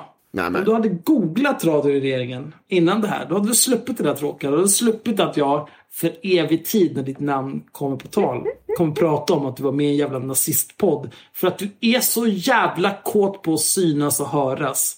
Att du skiter fullständigt i Fast vad det- du syns och hörs. vet du vad? Du Nej, är en kackerlacka. Jag, jag håller absolut inte med dig. Jag håller inte med dig. Nej, okej. För det första så, så jag tycker dels så kan hon ha en jävla massa intressanta analyser. Men det, det hon är också, vi, det var, jag skrev det i gruppen om just om det här medverkande i regeringen. Hon var också typexempel på hur ett helvete det kan gå när du sätter liksom bara tanken om att om jag pratar med en kvinna så är allt så mycket bättre. Alltså när, när du tar det för långt och du inte börjar vara, och just det, kvinnor kan också vara helt Nej, jävla nej, jag skulle gå med på det. Jag skulle gå med Ja. på det om det var så här att hon visste från första början. Okej, det är en nazistpodd. Det är Mm. två kvinnor. Men vi kanske kan bonda som kvinnor och kunna diskutera olika ämnen. För att vi är kvinnor och vi kan hitta någonting där. Men hon visste ju inte ens att de var nazister. Hon bara ställde och bara... Hon brast ju bara i källkritiken där. På grund av, tror jag, att det var två kvinnor som hörde av sig och ville prata om de här frågorna. För jag tror inte att hon hade tackat ja om två män hade, för de pratar om i programmet med Fanny hur de bjöd in henne. Det är liksom en viktig detalj som man vet, som får mig att dra den här slutsatsen. Vad säger de då? Jo, men de pratar om att vi ville, just det här lite, att de ville prata om det mer eh, typ konservativa sättet att se på det. Hur invandring är kopplat. Och hon väljer ju bort att säga att hon typ inte ville prata med dem. Men hon går med på att vara med i den här podden. Och det tror jag att hon gör uteslutande på grund av att det är två kvinnor som bjuder in henne. Och inte två män. För hon tänker inte efter före. Hon är fortfarande dum i huvudet. Vad spelar det för roll varför hon är dum i huvudet? Det spelar lite roll om hon, om hon liksom bara... Alltså jag tror att poängen Henrik försöker göra som är ganska bra är att det här visar ju på kardinalfelet att, att man att det finns delar av typ Instagram-feminismen där det är så här kvinnor, har, kvinnor är alltid offer, män är alltid förövare.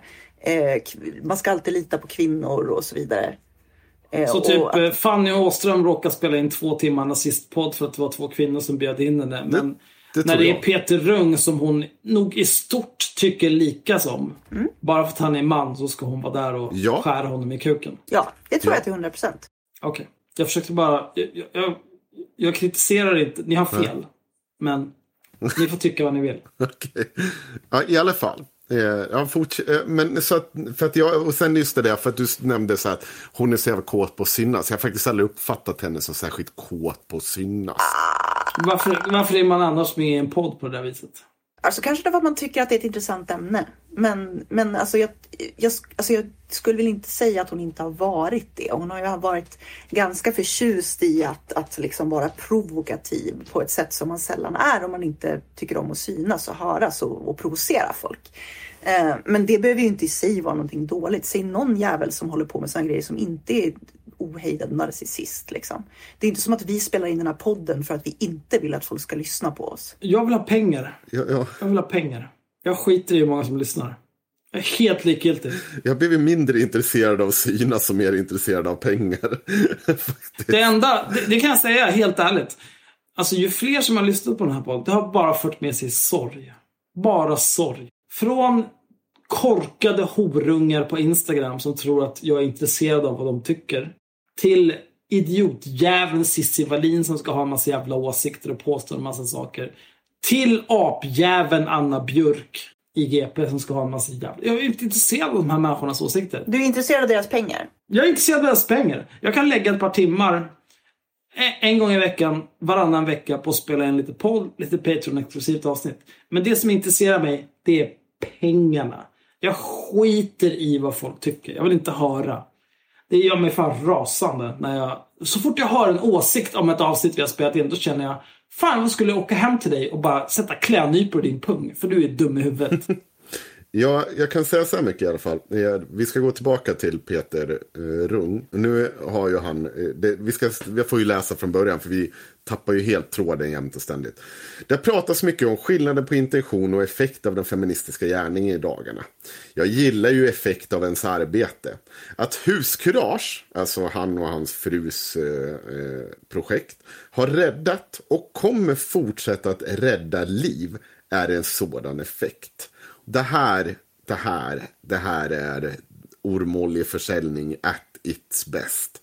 För jag Kan jag få köpa lite statistik? Ja, det, det, och det är inte jag ensam om. Utan eh, användarnamnet Elva Gumman eh, frågar ju direkt. Hur vet du ni att huskurage räddar liv? Misshandel i hemmet som avbryts abrupt av att någon knackar på brukar eskalera senare. Då den misshandlade ofta straffas för avbrottet och får mer stryk för att... Ja, ja. Och det... Nu låter du så mycket när jag spöar dig att grannarna kommer förbi och ställer frågor. Nu ska du få mer spö. Ja, och det, det vi ska, kan konstatera är att Peter vill, eh, för vi är ju fler som eh, är på honom och frågar där och allt han ger är, han vill inte, det finns ingen riktigt statistik på det här utan han har något slags vittnesmål från ett bostadsbolag. Men då är det ju också så att man har gjort en genomgång av, eh, som vi får en utvärdering av projektet Huskurage. Eh, som vår följare Helena Mayer postade i gruppen. Eh, som var väldigt Och Vi ska säga att Helena Meijer är ju inte bara vår följare heller. Helena Meijer jobbar ju, har ju jobbat med eh, på Friends med ha, hat på nätet och sådana grejer. Eh, och det kan ju vara lite så här intressant Eh, om man nu ska prata om olika typer av aktivism och godhetspoäng och så vidare, tänker jag. Ja, skit samma. Hon, ge- hon gav oss den länken och den var ju superintressant just för att det sågar ju projektet Huskurage. I huvudsak så sågar det implementeringen. I, det, I den utvärderingen av Huskurage så står det ju det står extremt mycket om just att implementeringen gick åt helvete. Men, och det är det också gärna Peter Rung pekar på. Det står ju ingenting om någon jävla räddade liv. Eh, och det enda, som sagt, Peter Ung säger bara att ja, men det är på grund av implementering. Man gjorde inte det här fullt ut. Annars, vet, det är lite alltid så här, det är någon annans fel att det går till helvete. Men man pekar också på i den här eh, utvärderingen att kanske hela konceptet är fel från början. Och att det förmodade utfallet inte går att få med hjälp av huskurage, om jag tolkar det rätt nu då. Annars får väl någon höra av sig och så får vi göra en rättelse i nästa avsnitt. Men så tolkar jag den utvärderingen. Och eh, det är fler som påtalar det. Jag fick faktiskt, det var en som kontaktade mig. Jag ställde frågan till Peter som skrev så här. Hej igen Peter Ung. Jag fick aldrig något svar på min fråga om hur projektet Huskurage finansieras. Det här är em- Emilie Woods eh, handle. Jag vet inte vem den här personen är ska tilläggas. Jag fick aldrig något svar på frågan om hur projekt Huskurage finansieras. För det kan väl inte vara så att skattemedel finansierar ett projekt som saknar vetenskaplig grund och ordentlig dokumentation på dess effekter. Särskilt om metoden som marknadsförs innebär ett risktagande för det som uppmanas. Alltså att personerna som då agerar enligt Huskurage kan utsättas för en risk och själva bli attackerade. Ja. Magnus Lindgren, före detta polis och från stiftelsen Trygghet, eh, Tryggare Sverige, menar i en artikel från Aftonbladet att lägenhetsbråk är en av de farligaste situationerna som polis. Eh, man vet inte vad man möter. Eh, vilka som befinner sig i bostaden. Det är komple- komplext ur ett polisiärt perspektiv och kräver utbildning, träning, riskbedömning och mental beredskap. Vad tänker du om det? Då svarar Peter Ung, det är gratis med huskurage. Och då svarar den här personen. Så du menar att du föreläser, trycker upp böcker och broschyrer, tar möten med bostadsbolag och kommuner gratis? Svarar Peter. Eh, all info finns på hemsidan. Va? Det, jag Så det är skattefinansierat. Ja. Och så svarar han igen. Magnus Lindgren jämför i sin kritik farlighet med hur polisen i USA går in i hem med vapen. Det är i bästa fall ohederligt att eh, jämföra på det viset. Och i sämsta fall ett sätt att öka fördomar och rädslor. Jag vet inte om han verkligen gör det. Den här Magnus. Nej, men det, det är klart att det är ju eh, som polisen åker på någon typ av lägenhetsbråk. Eller så här domestic violence. Det är svårt att veta vad det är för, eh, för grad av våld som har utövats. Om det är liksom, ja, någon, någon har fått en örfil, det är tråkig stämning, grannarna har hört skrik och tycker att, nej men nu ringer vi Aina. Mm. Eller om det är så här, någon har knivat ner någon med 300 hugg. Och står i hallen och är helt psykotisk. Och så fort dörren öppnas då kommer det någon jävla knivdåre och ska hugga alla. Det går ju inte att veta. Och då att man ska gå som privatperson och så här. Eh, skulle du kunna spöa din fru lite tystare? Vi försöker sova. Vi har jobb att gå upp till imorgon. Absolut. Hugg, hugg, hugg, hugg. Och så håller du också käften. Liksom, det kan ju gå hur fan som helst. Ja, och de säger så här. Det är så sjukt. De säger att först ska du knacka på om du uppfattar att det här sker. Men Du om ringer väl polisen? Ja, precis. För om du uppfattar att det har börjat skett, då har det ju förmodligen också varit skrik och gap på något sätt. På ett sätt som får dig att väcka misstanke. Och då verkar ju situationen redan ha eskalerat. Så då är det väl kanske polisen du ska ringa. Då är det väl, går ert projekt går ju inte ut på att bara ringa polisen, att uppmana folk att ringa polisen. Utan det går ju ut på att ni, de ska gå in och agera i de här situationerna. Och att du som privatperson ska göra någon slags jävla riskbedömning. Alltså har det redan kukat ur så har det ju redan kukat ur. Då är det polisen du ringer. Mm. Och det är också någon, någon som eh, har, har kukat ur på det vis. Det kommer ju vara en han som har spöat en hon. Mm. Eller knivmördat eller vem fan vet. Den personen som har gjort det. Om du knackar på dörren då, en total främling. Du kommer få fånga händer, Ja. gissar jag. För att den personen som redan har spöat sin fru eller sambo eller dödat sin fru eller sambo skiter fullständigt i dig. I alla fall, den här Emilie fortsätter fråga. Okej, toppen. Kan du skicka länken? Alltså inte hemsidan, för där hittar jag inte det jag efterfrågar. Utan till någon slags årsrapport. Eh, och då svarar Peter Ung, årsrapport. Okej, sorry kompis, men du luktar troll lång väg. Vi hörs och blockerar en person. Oj, konstigt. Jag gillar inte när folk är sådär otransparenta med sina När organisationer folk, som... när folk börjar liksom blocka så fort man ställer frågor om finansiering. Det känns lite suspekt. Men det är ju lite grann som när, när jag mejlade med porrfri barndom. Ja. Då frågade jag ju eh, så här, kan du ge ett exempel på när ni har eh, föreläst för offentlig, förval- eh, offentligt finansierad verksamhet. Eh, utformningen och vad det kostade. Då fick jag en massa snömos tillbaka. Och så frågade jag igen, bara den frågan, inte tillsammans med andra frågor. Och efter det så slutade de svara. Det är samma sak. Då, då vet man så här, det här är ormolja. Det ni säljer är bara skit. Ni är grisar. Nej, jag, jag tycker inte heller det. det de, man ska ju komma ihåg att ofta av de här typen av föreläsningar tar ju olika priser för olika... Det finns ju ingen fast eh, kostnad. Så att de kan ju mjölka som vissa personer gör på ett ställe och sen liksom halvera priset till ett likvärdigt ställe på ett annat ställe. Beroende lite på vad de lyckas lura av den som sitter med paran. Eh, det, sånt här ska man ju vara så jävla vaksam på när folk börjar säga att de, "Vi- mitt projekt, det räddar liv. Det, det, och det kommer rädda fler liv. Man Det, bara, säger du något sånt, Ja. då dels måste du kunna styrka det du säger. ja, Om du säger att du räddar liv, okej, hur många liv? Det måste du kunna Ja. säga. Hur många liv per det ska år vara konkret. Det ska vara konkret och det ska vara, Ja. det ska vara extremt enkelt att kolla upp. Inte bara så här, du kan ju prata med det här bostadsbolaget för någon där har sagt Nej, det räcker Vad inte. finns det för Alltså även Är om det, de har sagt är det det. också finansierat av offentliga medel? De måste också vara så här. Ja, det här, är det här kostar så här mycket pengar. Mm. Vi får Ja. pengar från det här, det här och det här. Då måste du kunna säga det. För varför ska du dölja det? Det, det är ju svårt att slippa undan den här liksom. Om du har rent mjöl i påsen, då spelar det ingen roll att staten installerar en kamera i ditt arsle liksom.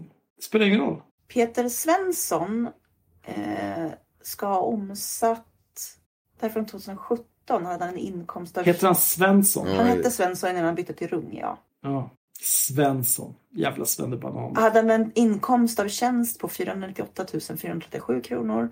Det är ett helt rimligt jobb ju. Överskott av näringsverksamhet på 278 000. Totalt taxerad inkomst 777 000, 777 300.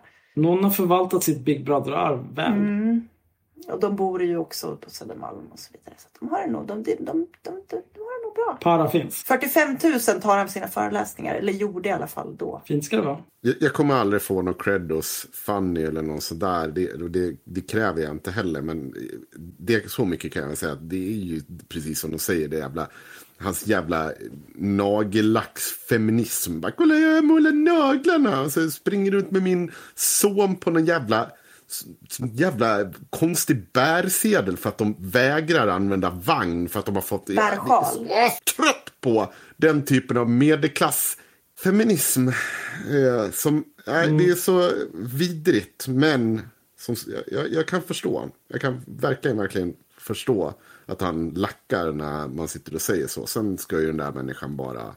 Han, han och jag och vår gamla vän Attila också kan ju bara fara och flyga. Gud, fy fan vad trött jag blir på när den karln sitter och berättar om hur man ska göra med barn. Nu, jag är inte en förespråkare av att du måste ha ett barn för att och liksom eh, veta att... Så här, Åsikter om barn. Ja, nej, det, det säger jag inte. Men det är också hur var han, vad han säger om barn som är så bara...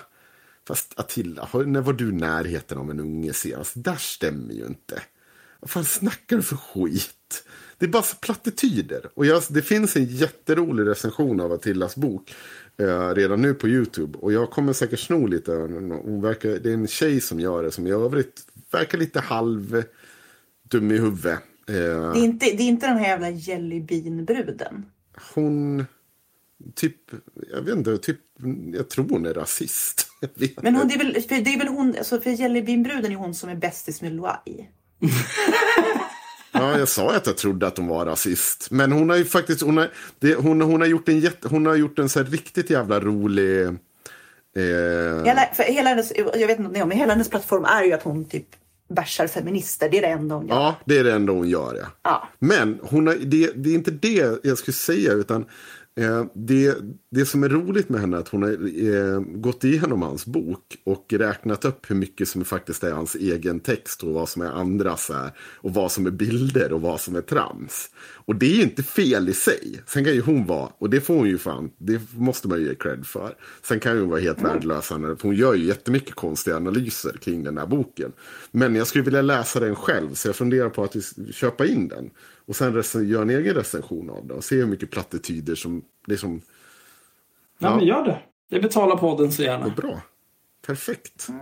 Med det sagt så har inte jag så mycket uh, mer att säga om Peter Pung. Gud, det där så att... Åh, gud vad jag vill ha sett Peter Pung länge. Reter... p- Punkt. Ja, Eh, men då kan vi kanske packa ihop för idag. För Det tycker att jag känner att jag vill inte mer. Nej. Eh, jag vill gå och göra ett par varma mackor. Kolla på någon serie och bara leva life. Men jag är trots allt ledig imorgon.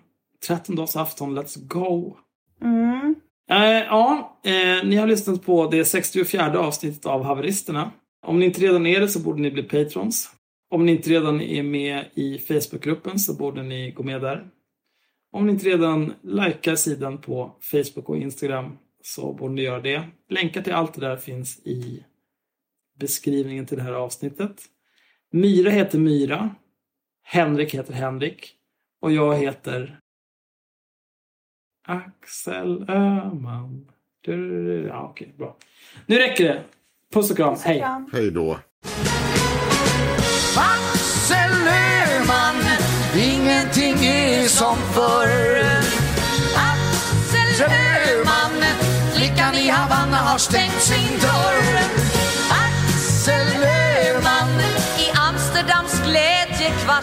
pirr. Har en sjöman knappt råd att köpa en varm korv mer? Axel Öhman, jungfru på jungfrusund har blivit gammal, lös och slapp i barmen som var så rund. Axel Öhman, riven i Ankara barn i Barcelona, är längre kvar. Axel Öhman, Eckerös käkakvinst Mången sjöman har undrat var de finns.